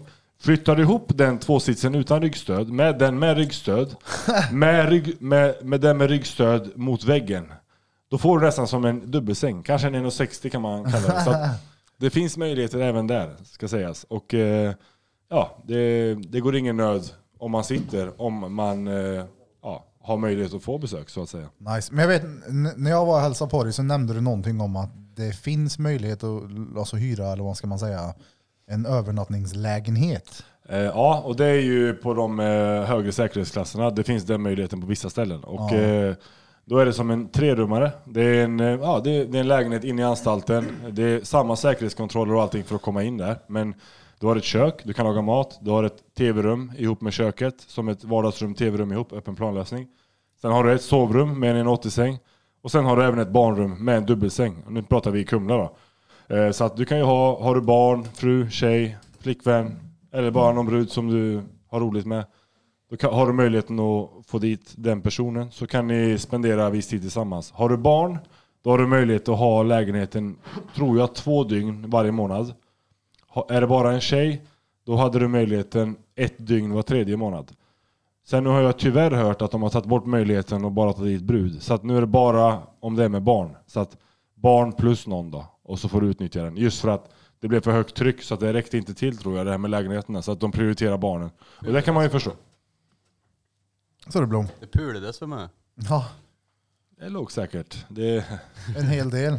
ja, det, de hör nog mycket roligt de här plitarna när de går i korridorerna utanför besöksrummen i Kumla i alla fall. Det, de har nog hört från mina besök också ibland. Kan jag tänka mig. Så att, eh, eh, nej men det behöver, alltså, vi- alla vi behöver ju närkontakt. Och, Ja, ja. Jag menar, jag behöver, alltså, även om jag sitter eller någon annan sitter, vi behöver ju också träffa tjejer och, och sådär. Och, och ja, har man möjligheten att ta dit någon så varför inte?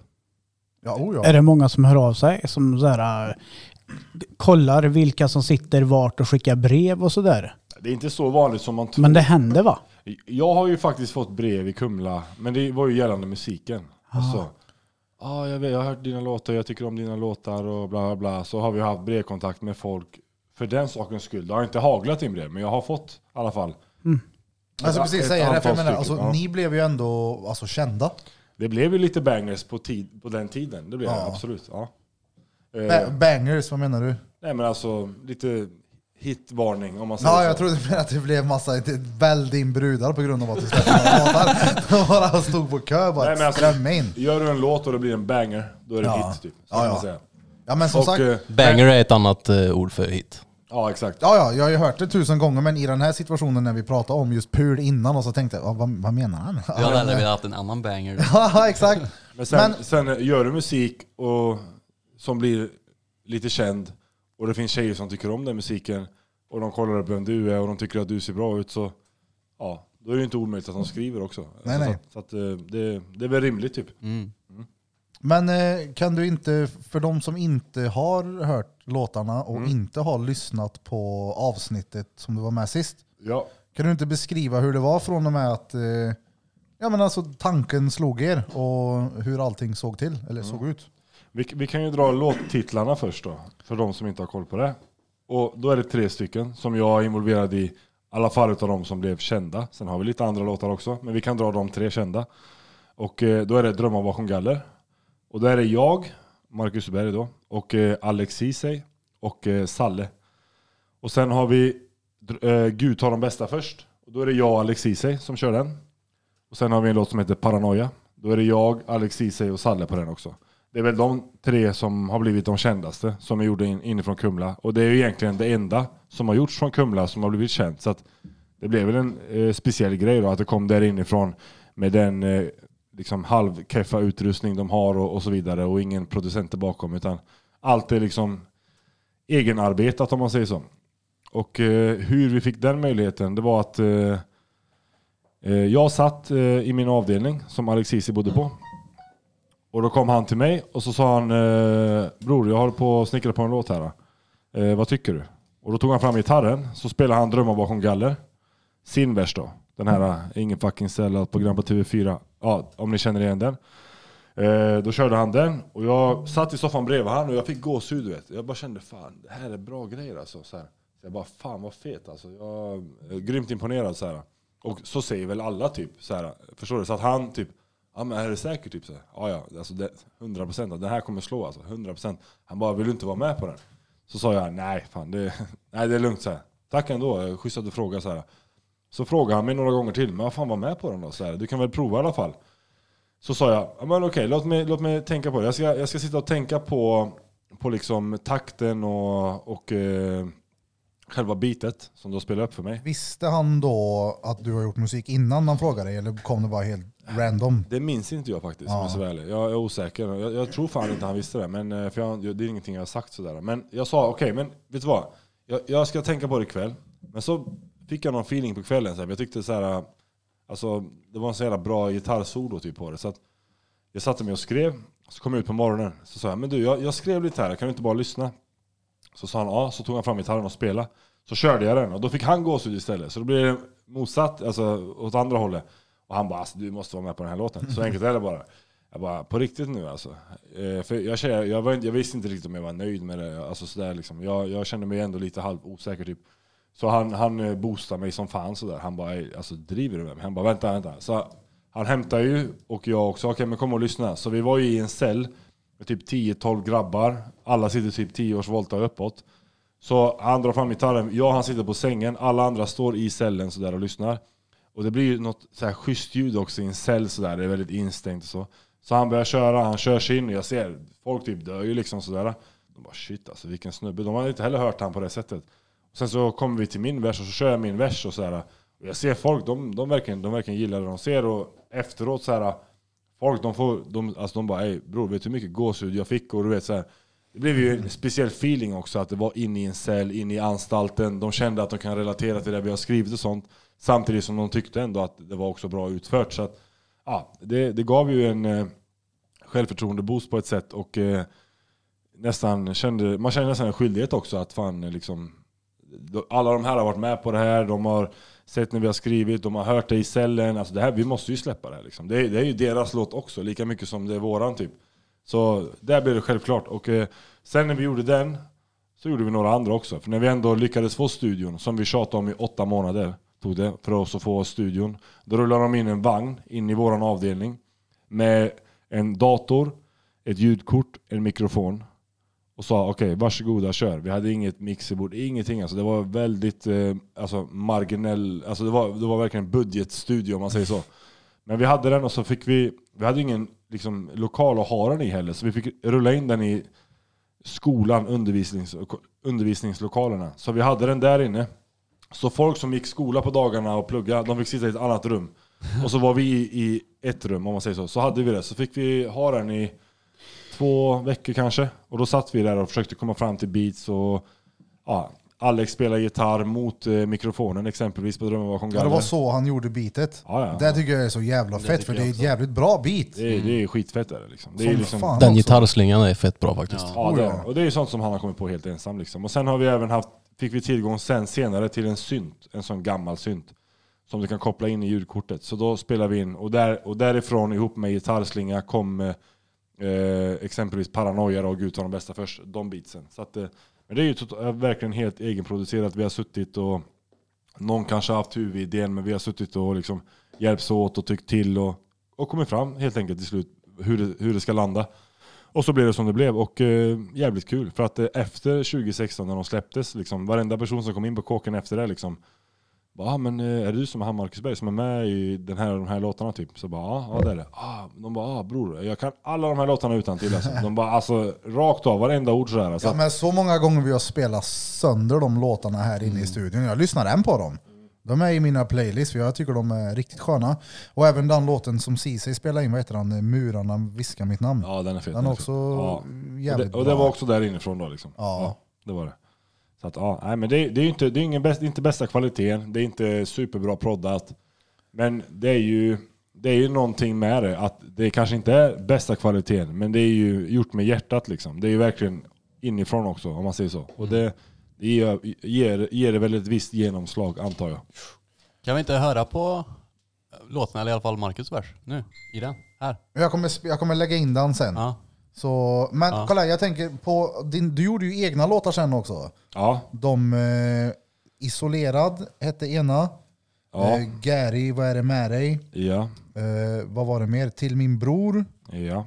Och vad är det mer? Jag kommer fan inte ihåg alltså. Men man kan hitta dem på Spotify om man söker på Marcus Berg. Var det Ja, så? det- För jag minns jag det- skulle göra din logga till dig, kommer du ihåg det? Ja, det. alltså, det var ju, Spotify talade om exakt hur jag skulle göra det. Jag fick ju inte göra ett skit, jag fick ju skriva typ Marcus Berg. Ja, exakt, exakt. Ja, Sen du ja. skickade de här, jag fick en CD-skiva hem och skulle hjälpa ut med den här grejen. Jag tänkte, ja, men alla har väl en jävla CD-läsare? Nej nej, ingen! Ingen har en CD-läsare. Det tog nio månader att de Alltså det var säger ett sånt jävla projekt att få ut de där låtarna. Men hur som helst, när du spelade in de låtarna, var det på samma sätt då att du fick en rullande vagn och du gjorde det själv, eller hur såg det ut? Eh, nej, för när jag spelade in de låtarna då hade jag blivit knallad till en annan avdelning. Lite, lite högre säkerhet. Men det var fortfarande på Kumla? Det var på Kumla. Det, det, var, det var samma studio. Men eh, eh, det finns olika avdelningar och olika verksamheter kan man säga. Så att eh, Eh, det var samma studio, men den var, studion var i det rummet som den är tänkt att vara.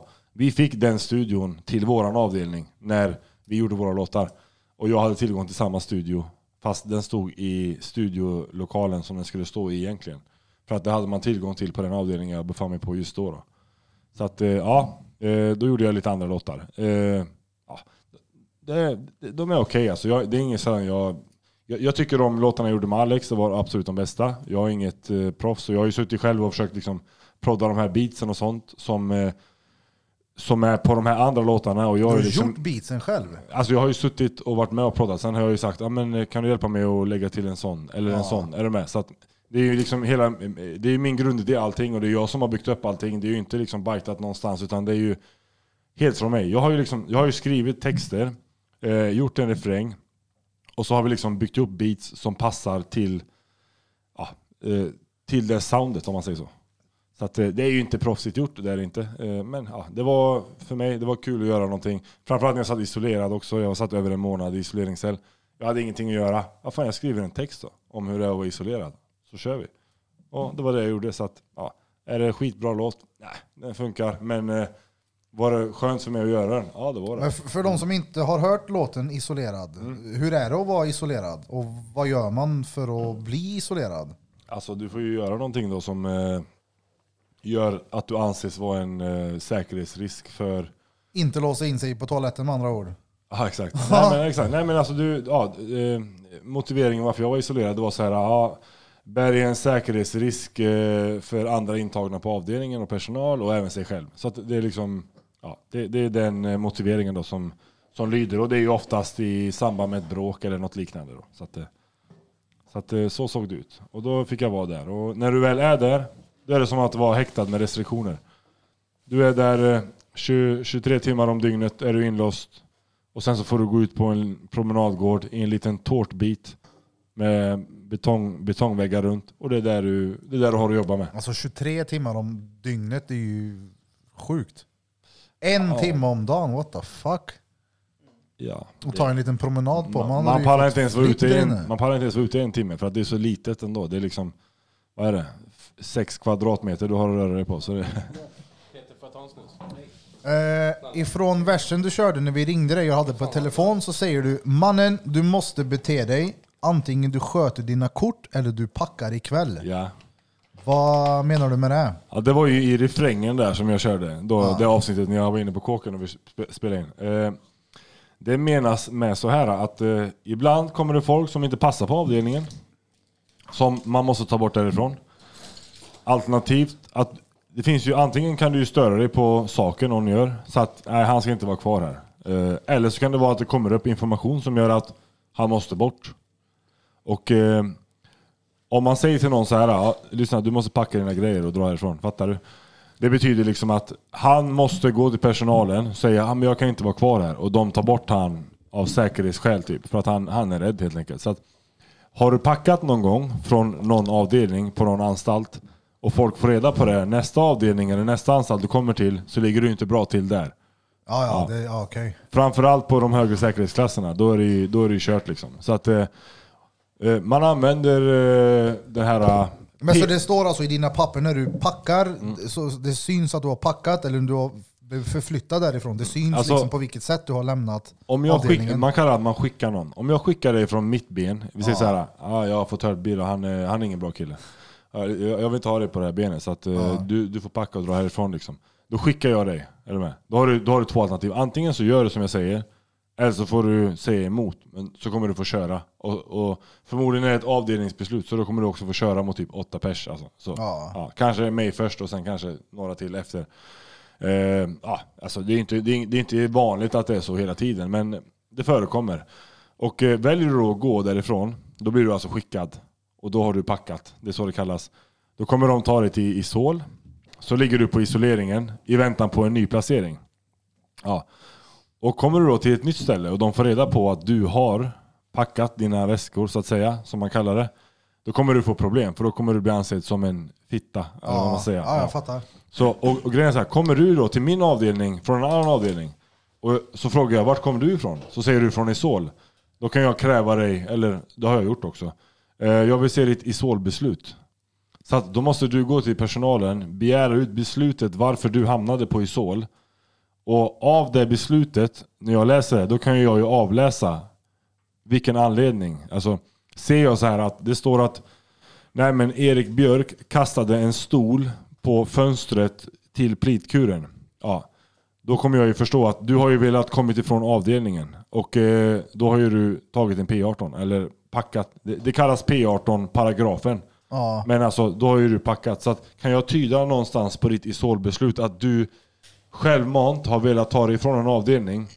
Då börjar det bli orosflagg direkt. För att okej, va, varför har du velat gå från en avdelning? Vad har du gjort där som gör att de säger till dig att du ska dra därifrån? Ja, och då blir det problem. Vad händer om du har fel? Alltså fel på vad? Hur menar du? Han kanske kastade stolen på plitkuren för att han hatade pliten som satt och inte för att han ville bli förflyttad. Ja, men då kan han väl eh, ge han en smäll eller, någonting annat. Alltså för att det det är ju liksom det här kasta stol på plitkuren, det är ju liksom förenat med eh, att packa liksom. Alltså att man, man, det kanske är så här att en person går och säger jag vill härifrån och så säger personalen ja, nej men vi har ingen plats för dig så du, du får gå tillbaka in på avdelningen. Då tar han till stolen och kastar för att då måste de ta han därifrån för då blir han ju liksom ett hot typ.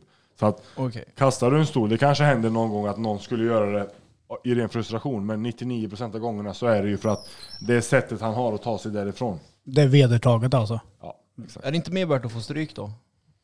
Jo, alltså det finns ju de som kommer till en avdelning som inte är välkomna där. Det behöver inte vara att det är något fel på personen i fråga. Det kan ju vara att han har ovänner där och folk ber honom att packa liksom. Men är han då man och säger nej, jag kommer inte gå någonstans liksom och så kör han istället så hamnar de i ett, i ett bråk eller någonting.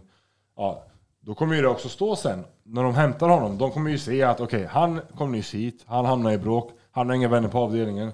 Vi tar bort honom för det är säkrast typ. Men så kommer han till isoleringen och sen kommer han till en annan avdelning. Då kommer det ju stå också i hans papper sen.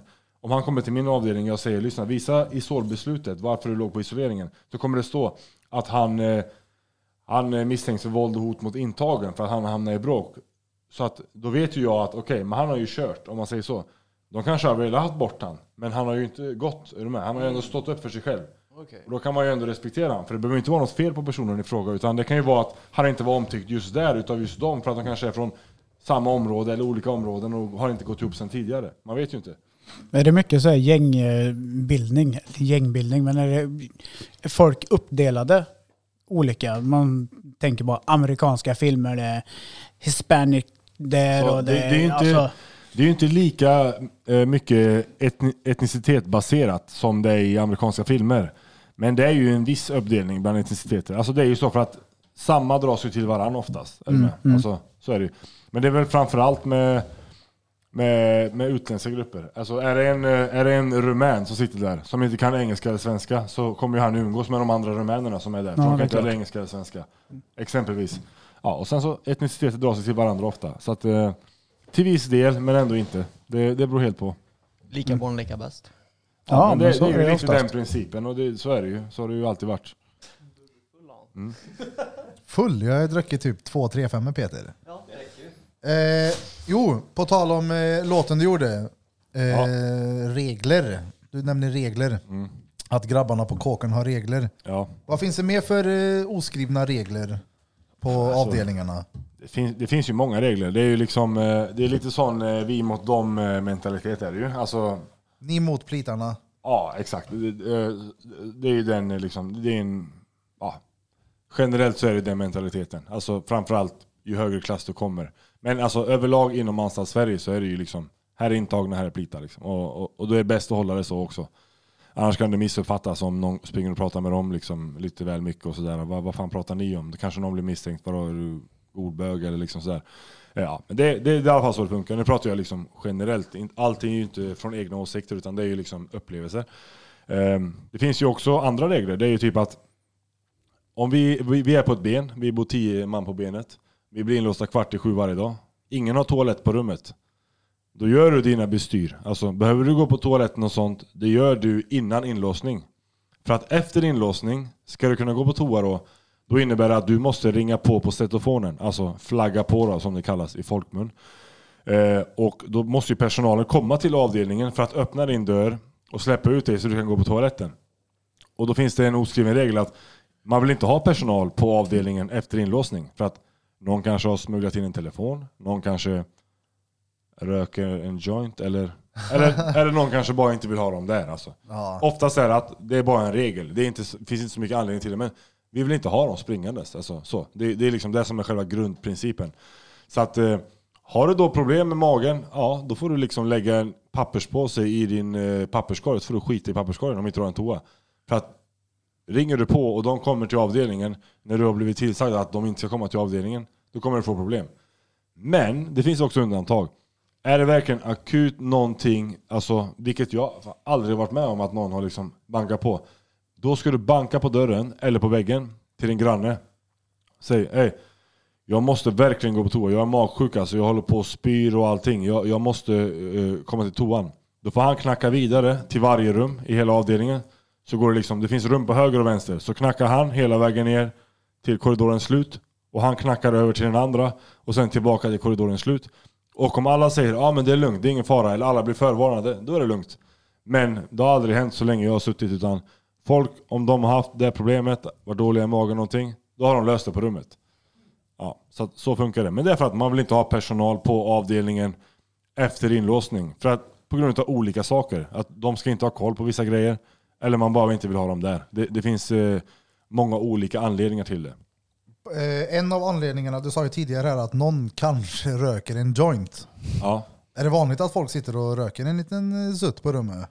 Alltså vanligt och vanligt, det händer Ja, det också. händer. Det kommer ju, alltså, det kommer ju väl in grejer där också naturligtvis. Ja. Liksom, så att det, det, sker, det händer. Det, det, ja, det är olika beroende på var du sitter. Beroende på säkerhet. Men jag menar, om du har en tjej som kommer på besök och hon trycker upp någonting i sin... eh, ja, ni fattar.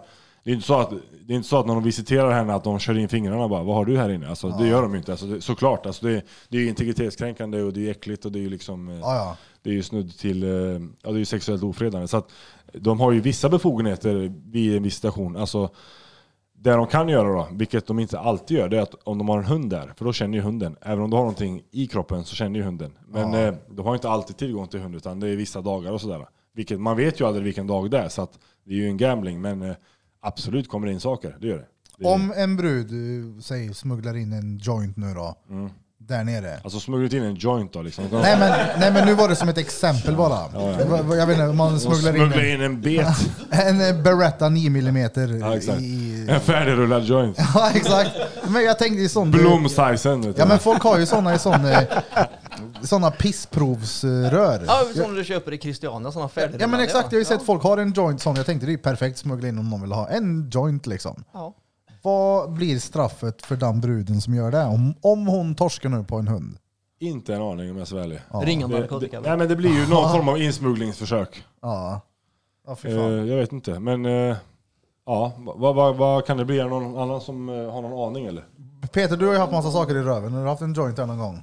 Nej, nej, nej, nej. Hasch är inte min grej. Prata i micken. Pe- I Ja, micken förlåt, förlåt. Peter. Peter hade en synpunkt på det här Nej, nej, nej, nej. när det gäller eh, om man får gå på toaletten eller inte efter inlåsningstid. Kan du utveckla lite? Ja, det kan jag. Jag förstår inte, för att jag aldrig suttit på kåken och förhoppningsvis kommer aldrig hamna där heller. Men det jag inte förstår är att om jag har problem med magen på kvällen och vill gå på toaletten, Ja.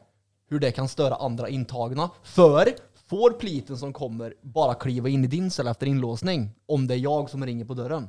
Nej, absolut inte. Men säg om, om pliten kommer till ditt rum Ja. och sen han i rummet bredvid har en lur insmugglad, sitter och pratar i telefon. Ja, vänta, vad är det som pratar här inne? Ja, vi går och öppnar han också och kollar vad han Jaha, gör. så att Fattar du? alla hör inte att jag flaggar. Flaggar. Alla hör ju inte, men det är din, om du nu måste flagga, vilket du inte egentligen får, men är det akut nödfall så kan det gå igenom ifall du varnar alla innan och alla säger ja det är lugnt. Är du med? Peter, det handlar ju om att folk ska vara beredda på att de kommer. Jo, jo, jo, men jag, för, jag, jag visste inte att pliten hade liksom rätt att gå in i andra cell också. Förstår du? De har rätt att göra vad fuck de Ja men exakt, jo jag tänker det. De gillar Alltså om de att- hör något eller känner de så här, fan det luktar joint här, inte säger de, nej men jag har inte rätt att gå in i hans rum, så jag kommer inte gå in och kolla vad han gör. Nej, låt han röka. Ja, låt han röka på där nu. Är det ofta de gör så här stickkontroller liksom? Kommer klockan 23? Bara för att de vill det, jävlas det är liksom. faktiskt verkligen inte ofta. Men, För det eh, måste ju skapa men ändå det har hänt. gut Vi hade ju lite, vi hade liksom. lite sådana telefoner där inne på Kumla och det är jävligt svårt att få in grejer där. Men det var ju sådana små som eh, tändare typ. Alltså Mm. jättesmå telefoner. Och eh, då hade de eh, fått nys om det på grund av att en kille, han hade en eh, eh, trådlö, eller vad, heter det? Sån eh, eh, trådlös tandborste. Mm. Ja, Eltandborste eller? Ja, eltandborste ja, exakt. Och så laddar ju han den i en laddare. Varav laddaren har mini-USB, är du med? Mini-USB-intag. Och mini-USB är ju till de här små lurarna. Så att du använder, för det är ju svårt att få in laddare. Hur ska du motivera att du har en laddare? En sån liten telefon kan du ju gömma i en deodorant eller någonting. Eh, en, tele, en telefon som är som en tändare i storlek. Men en laddare och allting, det blir ju mycket grejer att gömma. Så då var det någon som hade somnat med telefonen på laddning och så hade de öppnat på morgonen och så hade de sett eh, telefonen. Men de hade fortfarande inte koll på hur de kom in. Så att de tog den, men sen så fick vi in en ny. Men sen så röjde de tyvärr insmugglingsmetoden. Men eh, den kan jag inte gå in på och det vill jag inte berätta för att eh, jag tänker kanske folk som utnyttjar den idag och eh, då ska inte jag sabba för de grabbarna naturligtvis. Men eh, ah, det går att få in grejer om man är smart och vet vad man sysslar med. Om man säger så. Och nu snackar vi inte inom, i, i, nu snackar vi inte i kroppsöppningar. Det kommer in saker via den vägen också, från vissa säkert. Men ja, det, det, det finns andra alternativ också som, eh, ja. Ja det var Peter, det är ett jävla bra exempel om man ska ha ett batteri insmugglat. Ta in hela. Peter. För Vi vill ha Peter till avdelningen. Ja, men för er som inte vet, som lyssnar på det här, Peter har ett inopererat batteri, en eh, potensapparat apparat som är till för smärta i handleden, eller hur var det? Tensapparat va? Precis. Ja, te- ja, potens trodde det hette. Ja, ja. Skitsamma. Nej men på, eh, på Kumla, Mm. jag tänker, tänker man någonsin på att rymma därifrån? Är det ens möjligt och har det hänt? Det har hänt och eh, det är möjligt. Men eh, det är jävligt svårt. Hur fan tar man sig därifrån? För jag har ju själv varit där och sett. Hur? Alltså förr, i- förr i tiden då var det ju liksom inte riktigt samma säkerhet. Utan det var ju mur, men det kanske var en mur. Och din promenadgård, när du var ute på promenad eller liksom var ute, då, då var muren din, liksom, det var ditt staket om man säger så. Så det var muren, tar du över muren så är det klar. Och då smugglade de, tror jag, grejer från verkstaden och byggde upp någon eh, hemmagjord stege. Jag tror Kalle Kanon och Nisses pistol och allt vad fan de kallades. Alltså det är så här gamla, ja, men gamla legender liksom sådär. Så de lyckades. Men sen höjde de i säkerheten så att nu är det liksom nu är det inte en mur du ska ta dig över utan för det första, du kan ju inte vara ute utan att personal står och observerar dig hela tiden. Kameror runt om hela, vakter som sitter och kollar på vad du gör. Och sen så har du liksom, ska, först ska du över ett staket. Och då är det ett staket med tät, eh, tätt stängsel om man säger så. Du, du kan inte liksom få in fingrarna i staketet och eh, klättra. Om man säger så. Det, det är så tajt liksom mellan, mellan alla öppningar. Och sen ovanpå det, kommer du väl upp då så är det sån Palestina taggtråd. Det är, liksom, det är sån här rakbladsversion eh, av, av taggtråd. Så kommer du över den, då ska du över ett liknande stängsel med el i. Och kommer du över den så ska du över en mur som är nio meter hög med också taggtråd över. Och kommer du över den, då ska du över ett staket till med el i. Så att, ja, du dör Är ju det, innan. är det no- Alltså- under tiden du har varit inlåst, är det någon som har försökt att rymma alltså ifrån eh, Kumla eller någon annan av anstalterna?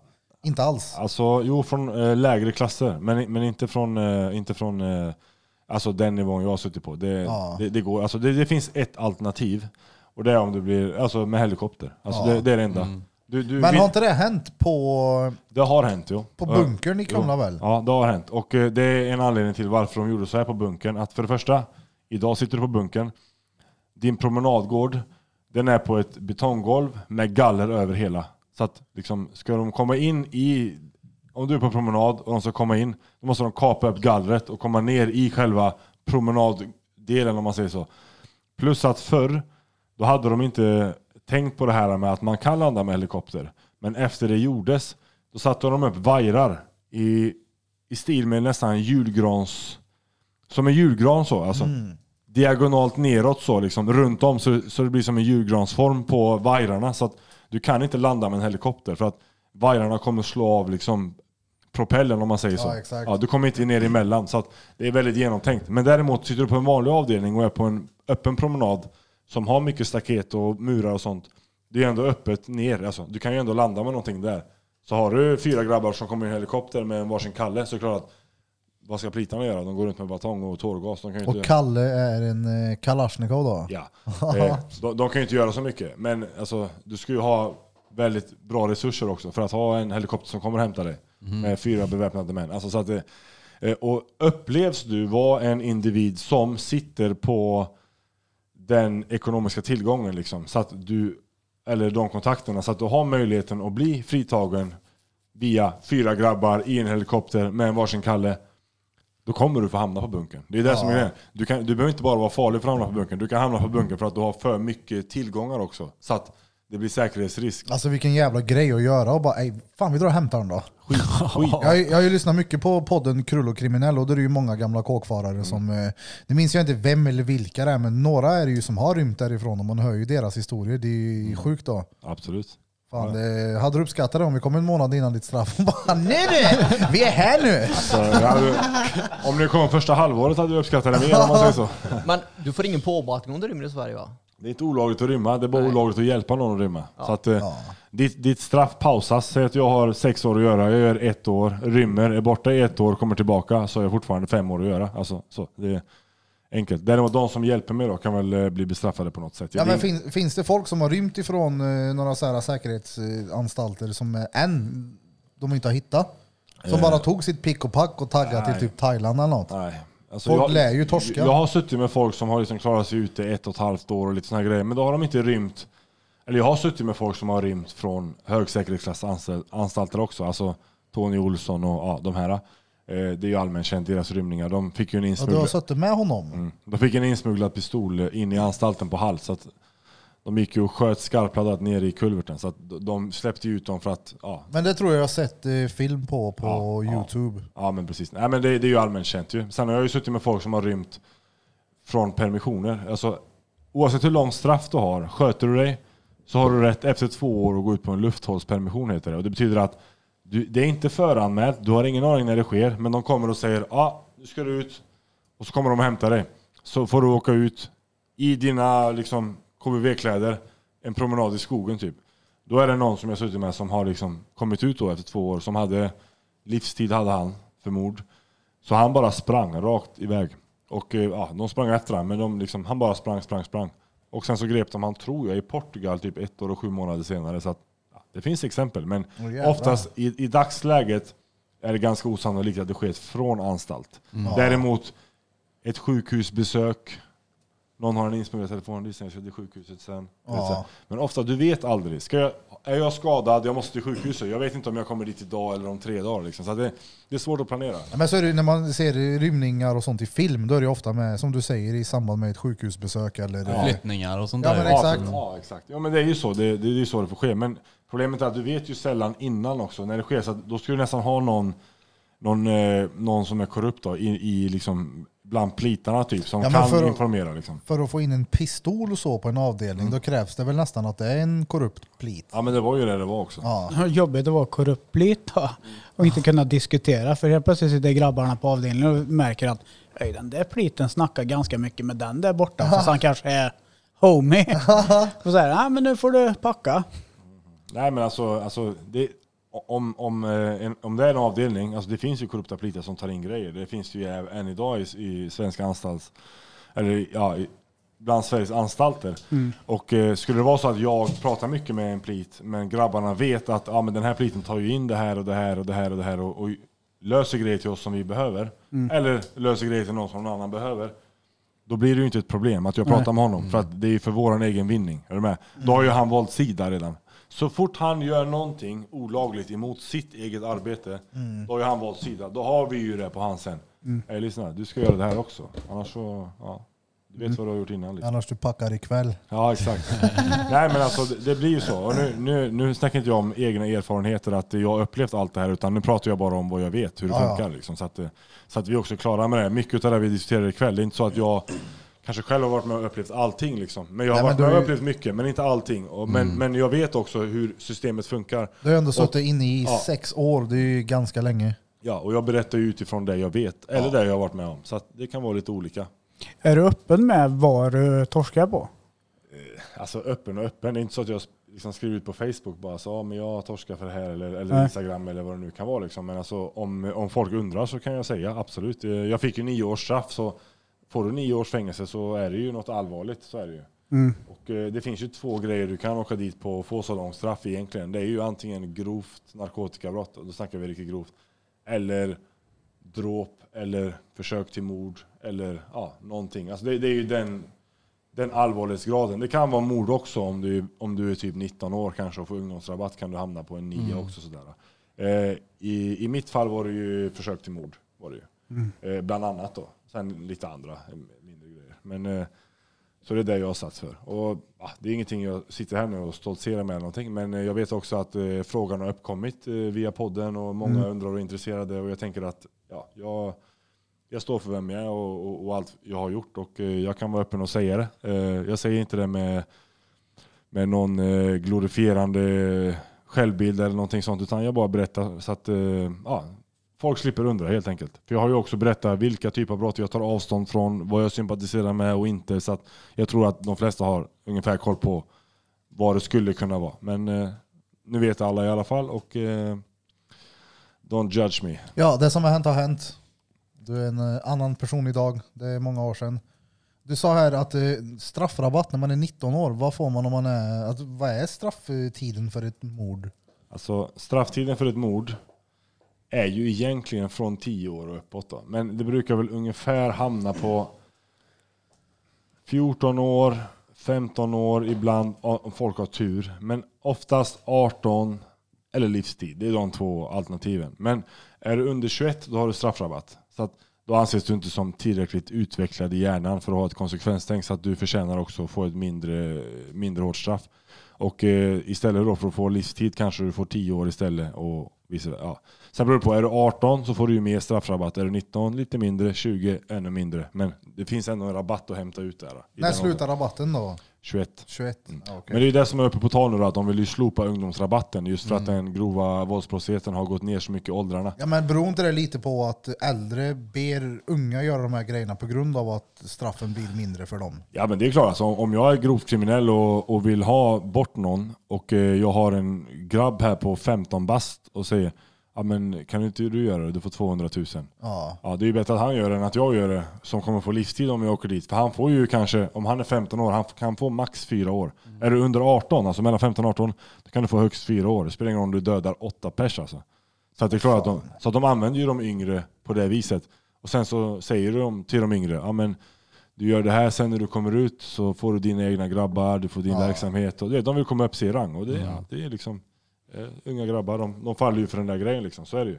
Och eh, jag förstår ju liksom deras äldre, de äldre som har valt den livsstilen, deras tänk också. Att de använder de yngre. Så de, de är ju ändå inne i samma game. Liksom. De som får minst skit, de får ju brösta den. Alltså, det är ju så det funkar även på kåken. Alltså, den som har mest att förlora, typ den som har livstid, han behöver ju inte lägga sig i när det är problem. Utan nej, nej, du har livstid, ta det lugnt du. Vi sköter det här istället, vi går hem om två månader. Alltså, det är den retoriken som är. Sen, sen vad jag tycker eller, eller vad man tycker om den generellt, det, det är ju en annan fråga. Det, det, det spelar inte så stor roll, men det är så det fungerar, det är så det ser ut. Men det är därför de också håller på att ta bort, eller de diskuterar och har lagt det som, eh, jag tror de har lagt fram en proposition i alla fall, vilket eh, betyder att det är ett förslag helt enkelt på att eh, ta upp i riksdagen ifall man ska debattera kring det här med ungdomsrabatt och, och så vidare. Just för att det har krypit ner i åldrarna så mycket och det är för billigt. Vad tycker ni då här runt omkring just med straffrabatten? Vad Ska man ha det eller ska man inte ha det? Jag tror att det, ja, det beror väl på vad det är för något man har gjort. Alltså, Ja, men typ ett man, mord. Säg att, ja men säg att då som han sa att om man är under 18 och man har klippt åtta pers, då tycker ju inte jag Ja, direkt- nej, nej. Det, Då- det är svårt. Ja. Samtidigt så hade du, Ja, inte, det- hade du inte varit under 18 kanske du inte hade gjort det heller. För att du blir Nej. manipulerad till att göra det för att du är ung och inte förstår bättre. Så Ja. man måste också ha respekt för att, jag tycker så här, jag tycker att det ska vara ungdomsrabatt på grund av att folk har inte utvecklat den delen av hjärnan som innebär konsekvenstänk. Det finns ju också forskning på som visar att män utvecklar ju den delen av hjärnan först efter de är 25. Det är då vi män utvecklar alltså konsekvenstänksdelen av hjärnan. Jag kan själv känna att jag till och med har upplevt det. Liksom. Jag har känt typ att okej, nu börjar jag tänka konsekvent. Ja. Så tycker jag, jag tycker att det ska finnas en straffrabatt. Men den ska vara till 25. Det behöver inte vara så jävla värsta rabatten. Men det ska, man ska ändå ta hänsyn till liksom, hur utvecklad är en hjärna Ja, när den exakt. Begår får, det här brottet. då får det vara individuellt från fall till fall. Vad har hänt? Ja. Jo, Som man- Blom sa, där det har varit ett mord på åtta pers. Nej, nej, skit i din rabatt. Det är, då har du ju noll. Alltså, då är det ju, kan du klippa någon, åtta pers när du är 17 år gammal, då är det ju... Ja, då är det ju Ja, men sen, kan, sen tycker jag så här då, i så fall, alltså, jag, jag tycker att den ska finnas, det, det ska jag säga. Sen tycker jag väl att Sen kan man ju använda den olika mycket. Alltså okej, Mm. har snubben klippt den för två år sedan när han var 15? Sen nu har han klippt den när han är 17? Ja, okej. Ja, ja, exakt. Då Men har som han- sagt, från han- fall till Då fall. borde han ju ändå ha lärt sig sin läxa kanske de tycker. Liksom. Men, men jag menar, är det, har du, är det första grejen du är dömd för, men det är allvarligt, man måste ändå ta hänsyn till, alltså, för du klassas ju som barn innan du är vuxen. Är du med? Ja. Och är du ett barn, är du ett barn, då ska du dömas som ett barn, inte som en vuxen heller. Ja. Men det är det de vill. Ja, men gör du vuxna handlingar, handlingar ska du dömas som en vuxen. Jo, men han tänker ju inte som en vuxen. Så att, men han, hur ska han kunna ta fullt ansvar också? Alltså, att, ja, det är en svår fråga. Jag, jag, alltså, jag vet inte knappt själv vad jag tycker alltså, om jag ska vara ärlig. Eh, men jag, jag förstår grejen. För går man, vi, vi ska ju alltid prata om forskningen säger det här, forskningen säger det här. Ja, men nu säger ju forskningen att du har inte en utvecklad hjärna som man förrän 25 års ålder. Kvinnorna är ju betydligt tidigare. Det är därför en kvinna i 20-årsåldern är ju typ som en kille i 25-årsåldern ofta. Liksom. De är mognare, sen kommer vi i kapp. Det finns ju en anledning till då varför det finns den här straffrabatten. Och eh, det måste man ändå respektera oavsett hur eh, våldsbrottsligheten ser ut. Det finns, då får man ju ta tag i andra faktorer tror jag, än att, liksom, än att bedöma dem som vuxna helt plötsligt. Det måste finnas andra vägar liksom, att komma åt problemet i så fall. Vad tycker du då Peter? För eller emot straffrabatt? Eh, Som man sa förut, en väldigt svår fråga. Men när det kommer till exempel gäng eller vad man säger, gängkriminalitet, så tycker jag inte att straffrabatten ska gällas. För då tror jag att de som sitter högre upp i gängen pushar på och att den som blir påpushad är medveten om varför han blir påpushad att göra det. Så jag tror att han är medveten om att gör jag det här så får jag straffrabatt. Så han, är alltså in, han vet alltså att gör jag det här så får jag mindre straff. Ja men exakt, från fall till fall. Och, Ja, men jag tror inte att den här unga killen, jag tror inte att han tänker så här. Ah, de här de tänker att jag får billigare straff, de utnyttjar mig för det här. Utan det, jag tror inte att det är det de talar in i honom. Jag tror att det är så här. ah, du, du är stabil alltså, jag, vi, alltså, vi ser verkligen vad du går för. Så här, ah, du borde verkligen du vet, visa också så alla andra får se. Förstår jag med? Det är bra för dig, det är bra för din framtid, du kommer kliva högt upp. Jag tror mer det är den retoriken. Jo men då Förstår vet, då vet ju han att, att kliva upp, då vet ju han att det innebär att det är liksom i en kriminell bana. Ja, ja, Så det, han ju vet ju vad han ger sig in i. På så sätt så ja, vet han ju det att... vet han ju, men han har ju inte heller konsekvenstänket och förstå vad det innebär i längden. Det är ju det Nej, som är problemet. Exakt. Och det är där jag ändå kan tycka att man ska ta hänsyn till. Liksom. Sen så, det här är ju en väldigt infekterad fråga i Sverige och eh, alla tycker olika och det får man ha respekt för. Så Ja, ja, det. men som sagt, det var ju bra alltså, exempel i just gängkriminalitet. Är det en svennebanan eller är det någon som är med i något gäng? Eller Jo, är sen- på väg att gå med i något? Men då kommer vi till... Jo, men sen ja. så är det ju samtidigt eh, inte bara han unge killens ansvar, utan det är ju även vi som samhälle som också borde ta ett ansvar och se till att från första början så ska inte ens hamna i den situationen. Ja. Det är en djup fråga. är det. Sen är det, har vi ett problem också. Ska vi börja införa det här med, ja men är det gängrelaterat, då ska han dömas till det. Är det inte, men vänta, vad är ett gäng då? Är du med? Alltså, enligt, enligt, liksom, enligt polisen och forskarna och allting så finns ju liksom hur mycket nätverk slash gäng som helst i Sverige. Så att, vadå? Då kommer då, då, risken är ju då att så här, du vet, de tar sig mer och mer frihet i sitt dömande. Ja, men de är en grupp på fyra individer, de brukar umgås. Det kan man ändå klassa som ett gäng. Förstår Ja. du? Så att det, är- det är svårt att dra. Okej, men vad är ett gäng då? Är det bara om du går med en väst eller? För det kommer det ju inte vara. För att det är ju inte, det är ju inte västarna som står för mest eh, våldskriminalitet. Det är ju liksom det är ju förortsgängen i så fall. Så att, Ja. så att, vad är ett gäng, vad är inte ett gäng? Det blir en svår fråga. ja, det är sant. Jag hade gömt mig bakom föreningsfriheten, ja. Lätt. Föreningsfriheten. Ja. Peter ska starta en förening här nu. Vi vill sälja kokain. Precis, så vi är en förening som gör det. Ja, och det är helt lagligt att starta förening i Sverige, det finns ingen som kan neka dig. Jo, men från att gå från föreningsliv här nu då till strafflängder och sådär.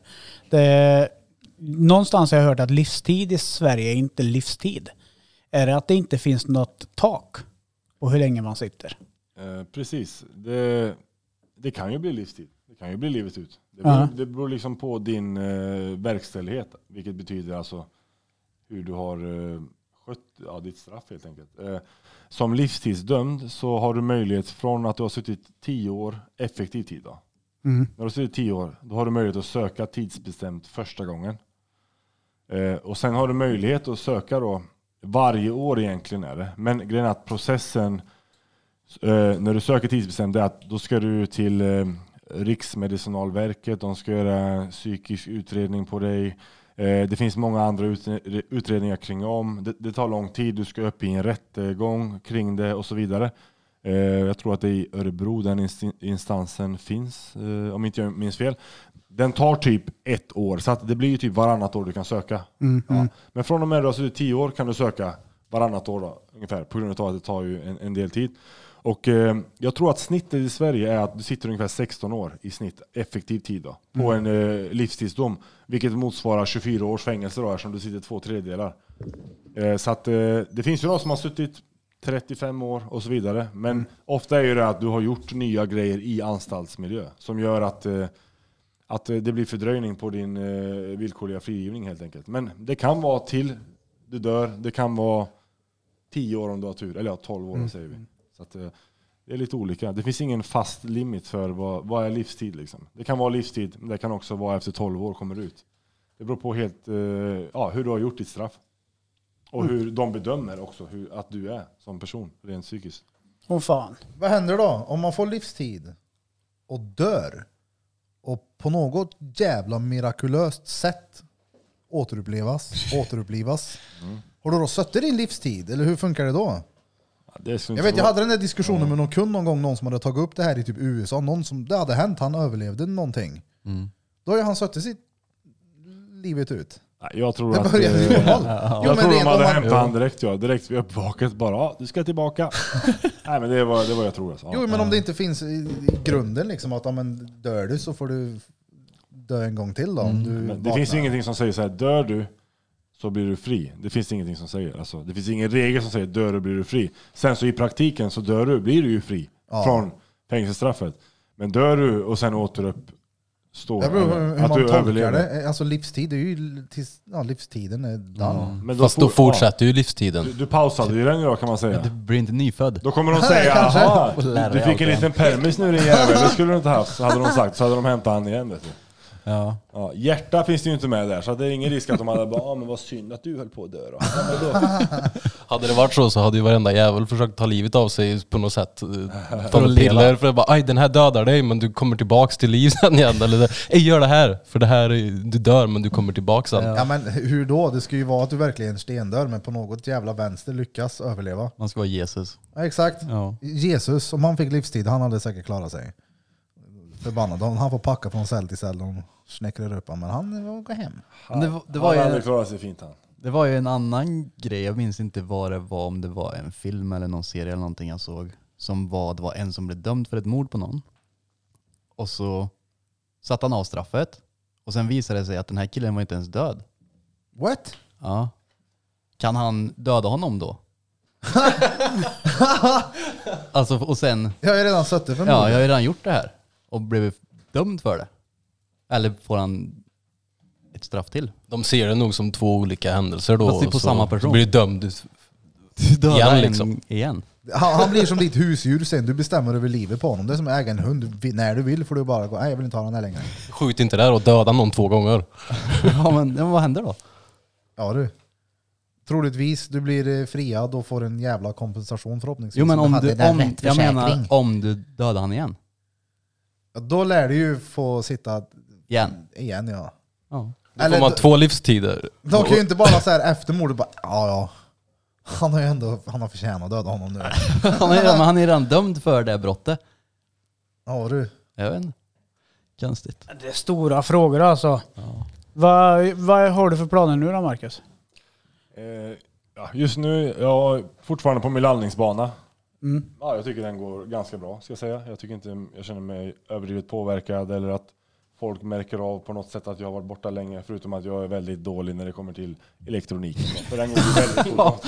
Ja. Där ligger jag ju sten efter. Men eh, i övrigt så, så känns det bra och eh, det som händer är att eh, komma igång och börja jobba lite. Och eh, ha lite, lite samarbeten på gång. Eh, Krille här också, som är här. Han är väldigt duktig på att göra beats, instrumental. Så vi har, Tjup, tjup. vi har, vi har diskuterat att eh, hitta på någonting tillsammans. Sen har jag några andra som eh, håller på med rapmusik. Vi diskuterar att vi ska dra ihop någonting kanske, göra någon musikvideo och sånt. Så att det finns lite planer på sikt. Eh, det är ingen stress utan ta allt som det kommer. Mm. Hoppas att allting går vägen bara. Det, det är det Mm. viktigaste. Fett som fan. Ja, Krille Sound är vår nya soundtekniker i podden. En bra. Duktig han på att plinka med dattelidattan som jag brukar säga till en varje dag. Mm. Dattelidattan ja. Ja, nej, men det ska bli trevligt att se vad vi kan eh, åstadkomma tillsammans. Det är inte säkert att det blir svinbra, men det kan också bli svinbra. Så att det är alltid spännande. Ja, ja, huvudsaken är att det ska vara kul när man gör det. Det ska Exakt. vara en rolig grej. Det ska vara kul, men också ska det släppas så, så ska man ju vara nöjd med det. Ja, ja. Annars så släpper man inte det helt enkelt. Självklart. Så att, eh, men eh, det känns, det känns som att det, det kommer säkert bli bra och ja, det ska bli roligt. Och ta upp den här lilla musikgrejen igen också, för det var ju många år sedan. Jag hade ju inte tillgång till studio sista tre, fyra åren i kåken heller. Så att, eh, ja, det känns, eh, känns bra att komma igång lite igen. Mm. Det är jävligt skönt att ha en kreativ outlet också där man kan lägga energin på liksom. Ja, verkligen alltså. Det får utlopp för sin kreativitet. Och Ja, men plus att du är väldigt duktig på det du gör. Tack. tack, tack. Och jag ser fram emot att höra mer. Speciellt den eh, som du spelade in senaste avsnittet. Den, Ja. eh, Jag ser fram emot att höra den i... Ja, det ska vara kul alltså att se den, på, välproducerad, bra och... se, se den på ett fett beat. Ja, ja.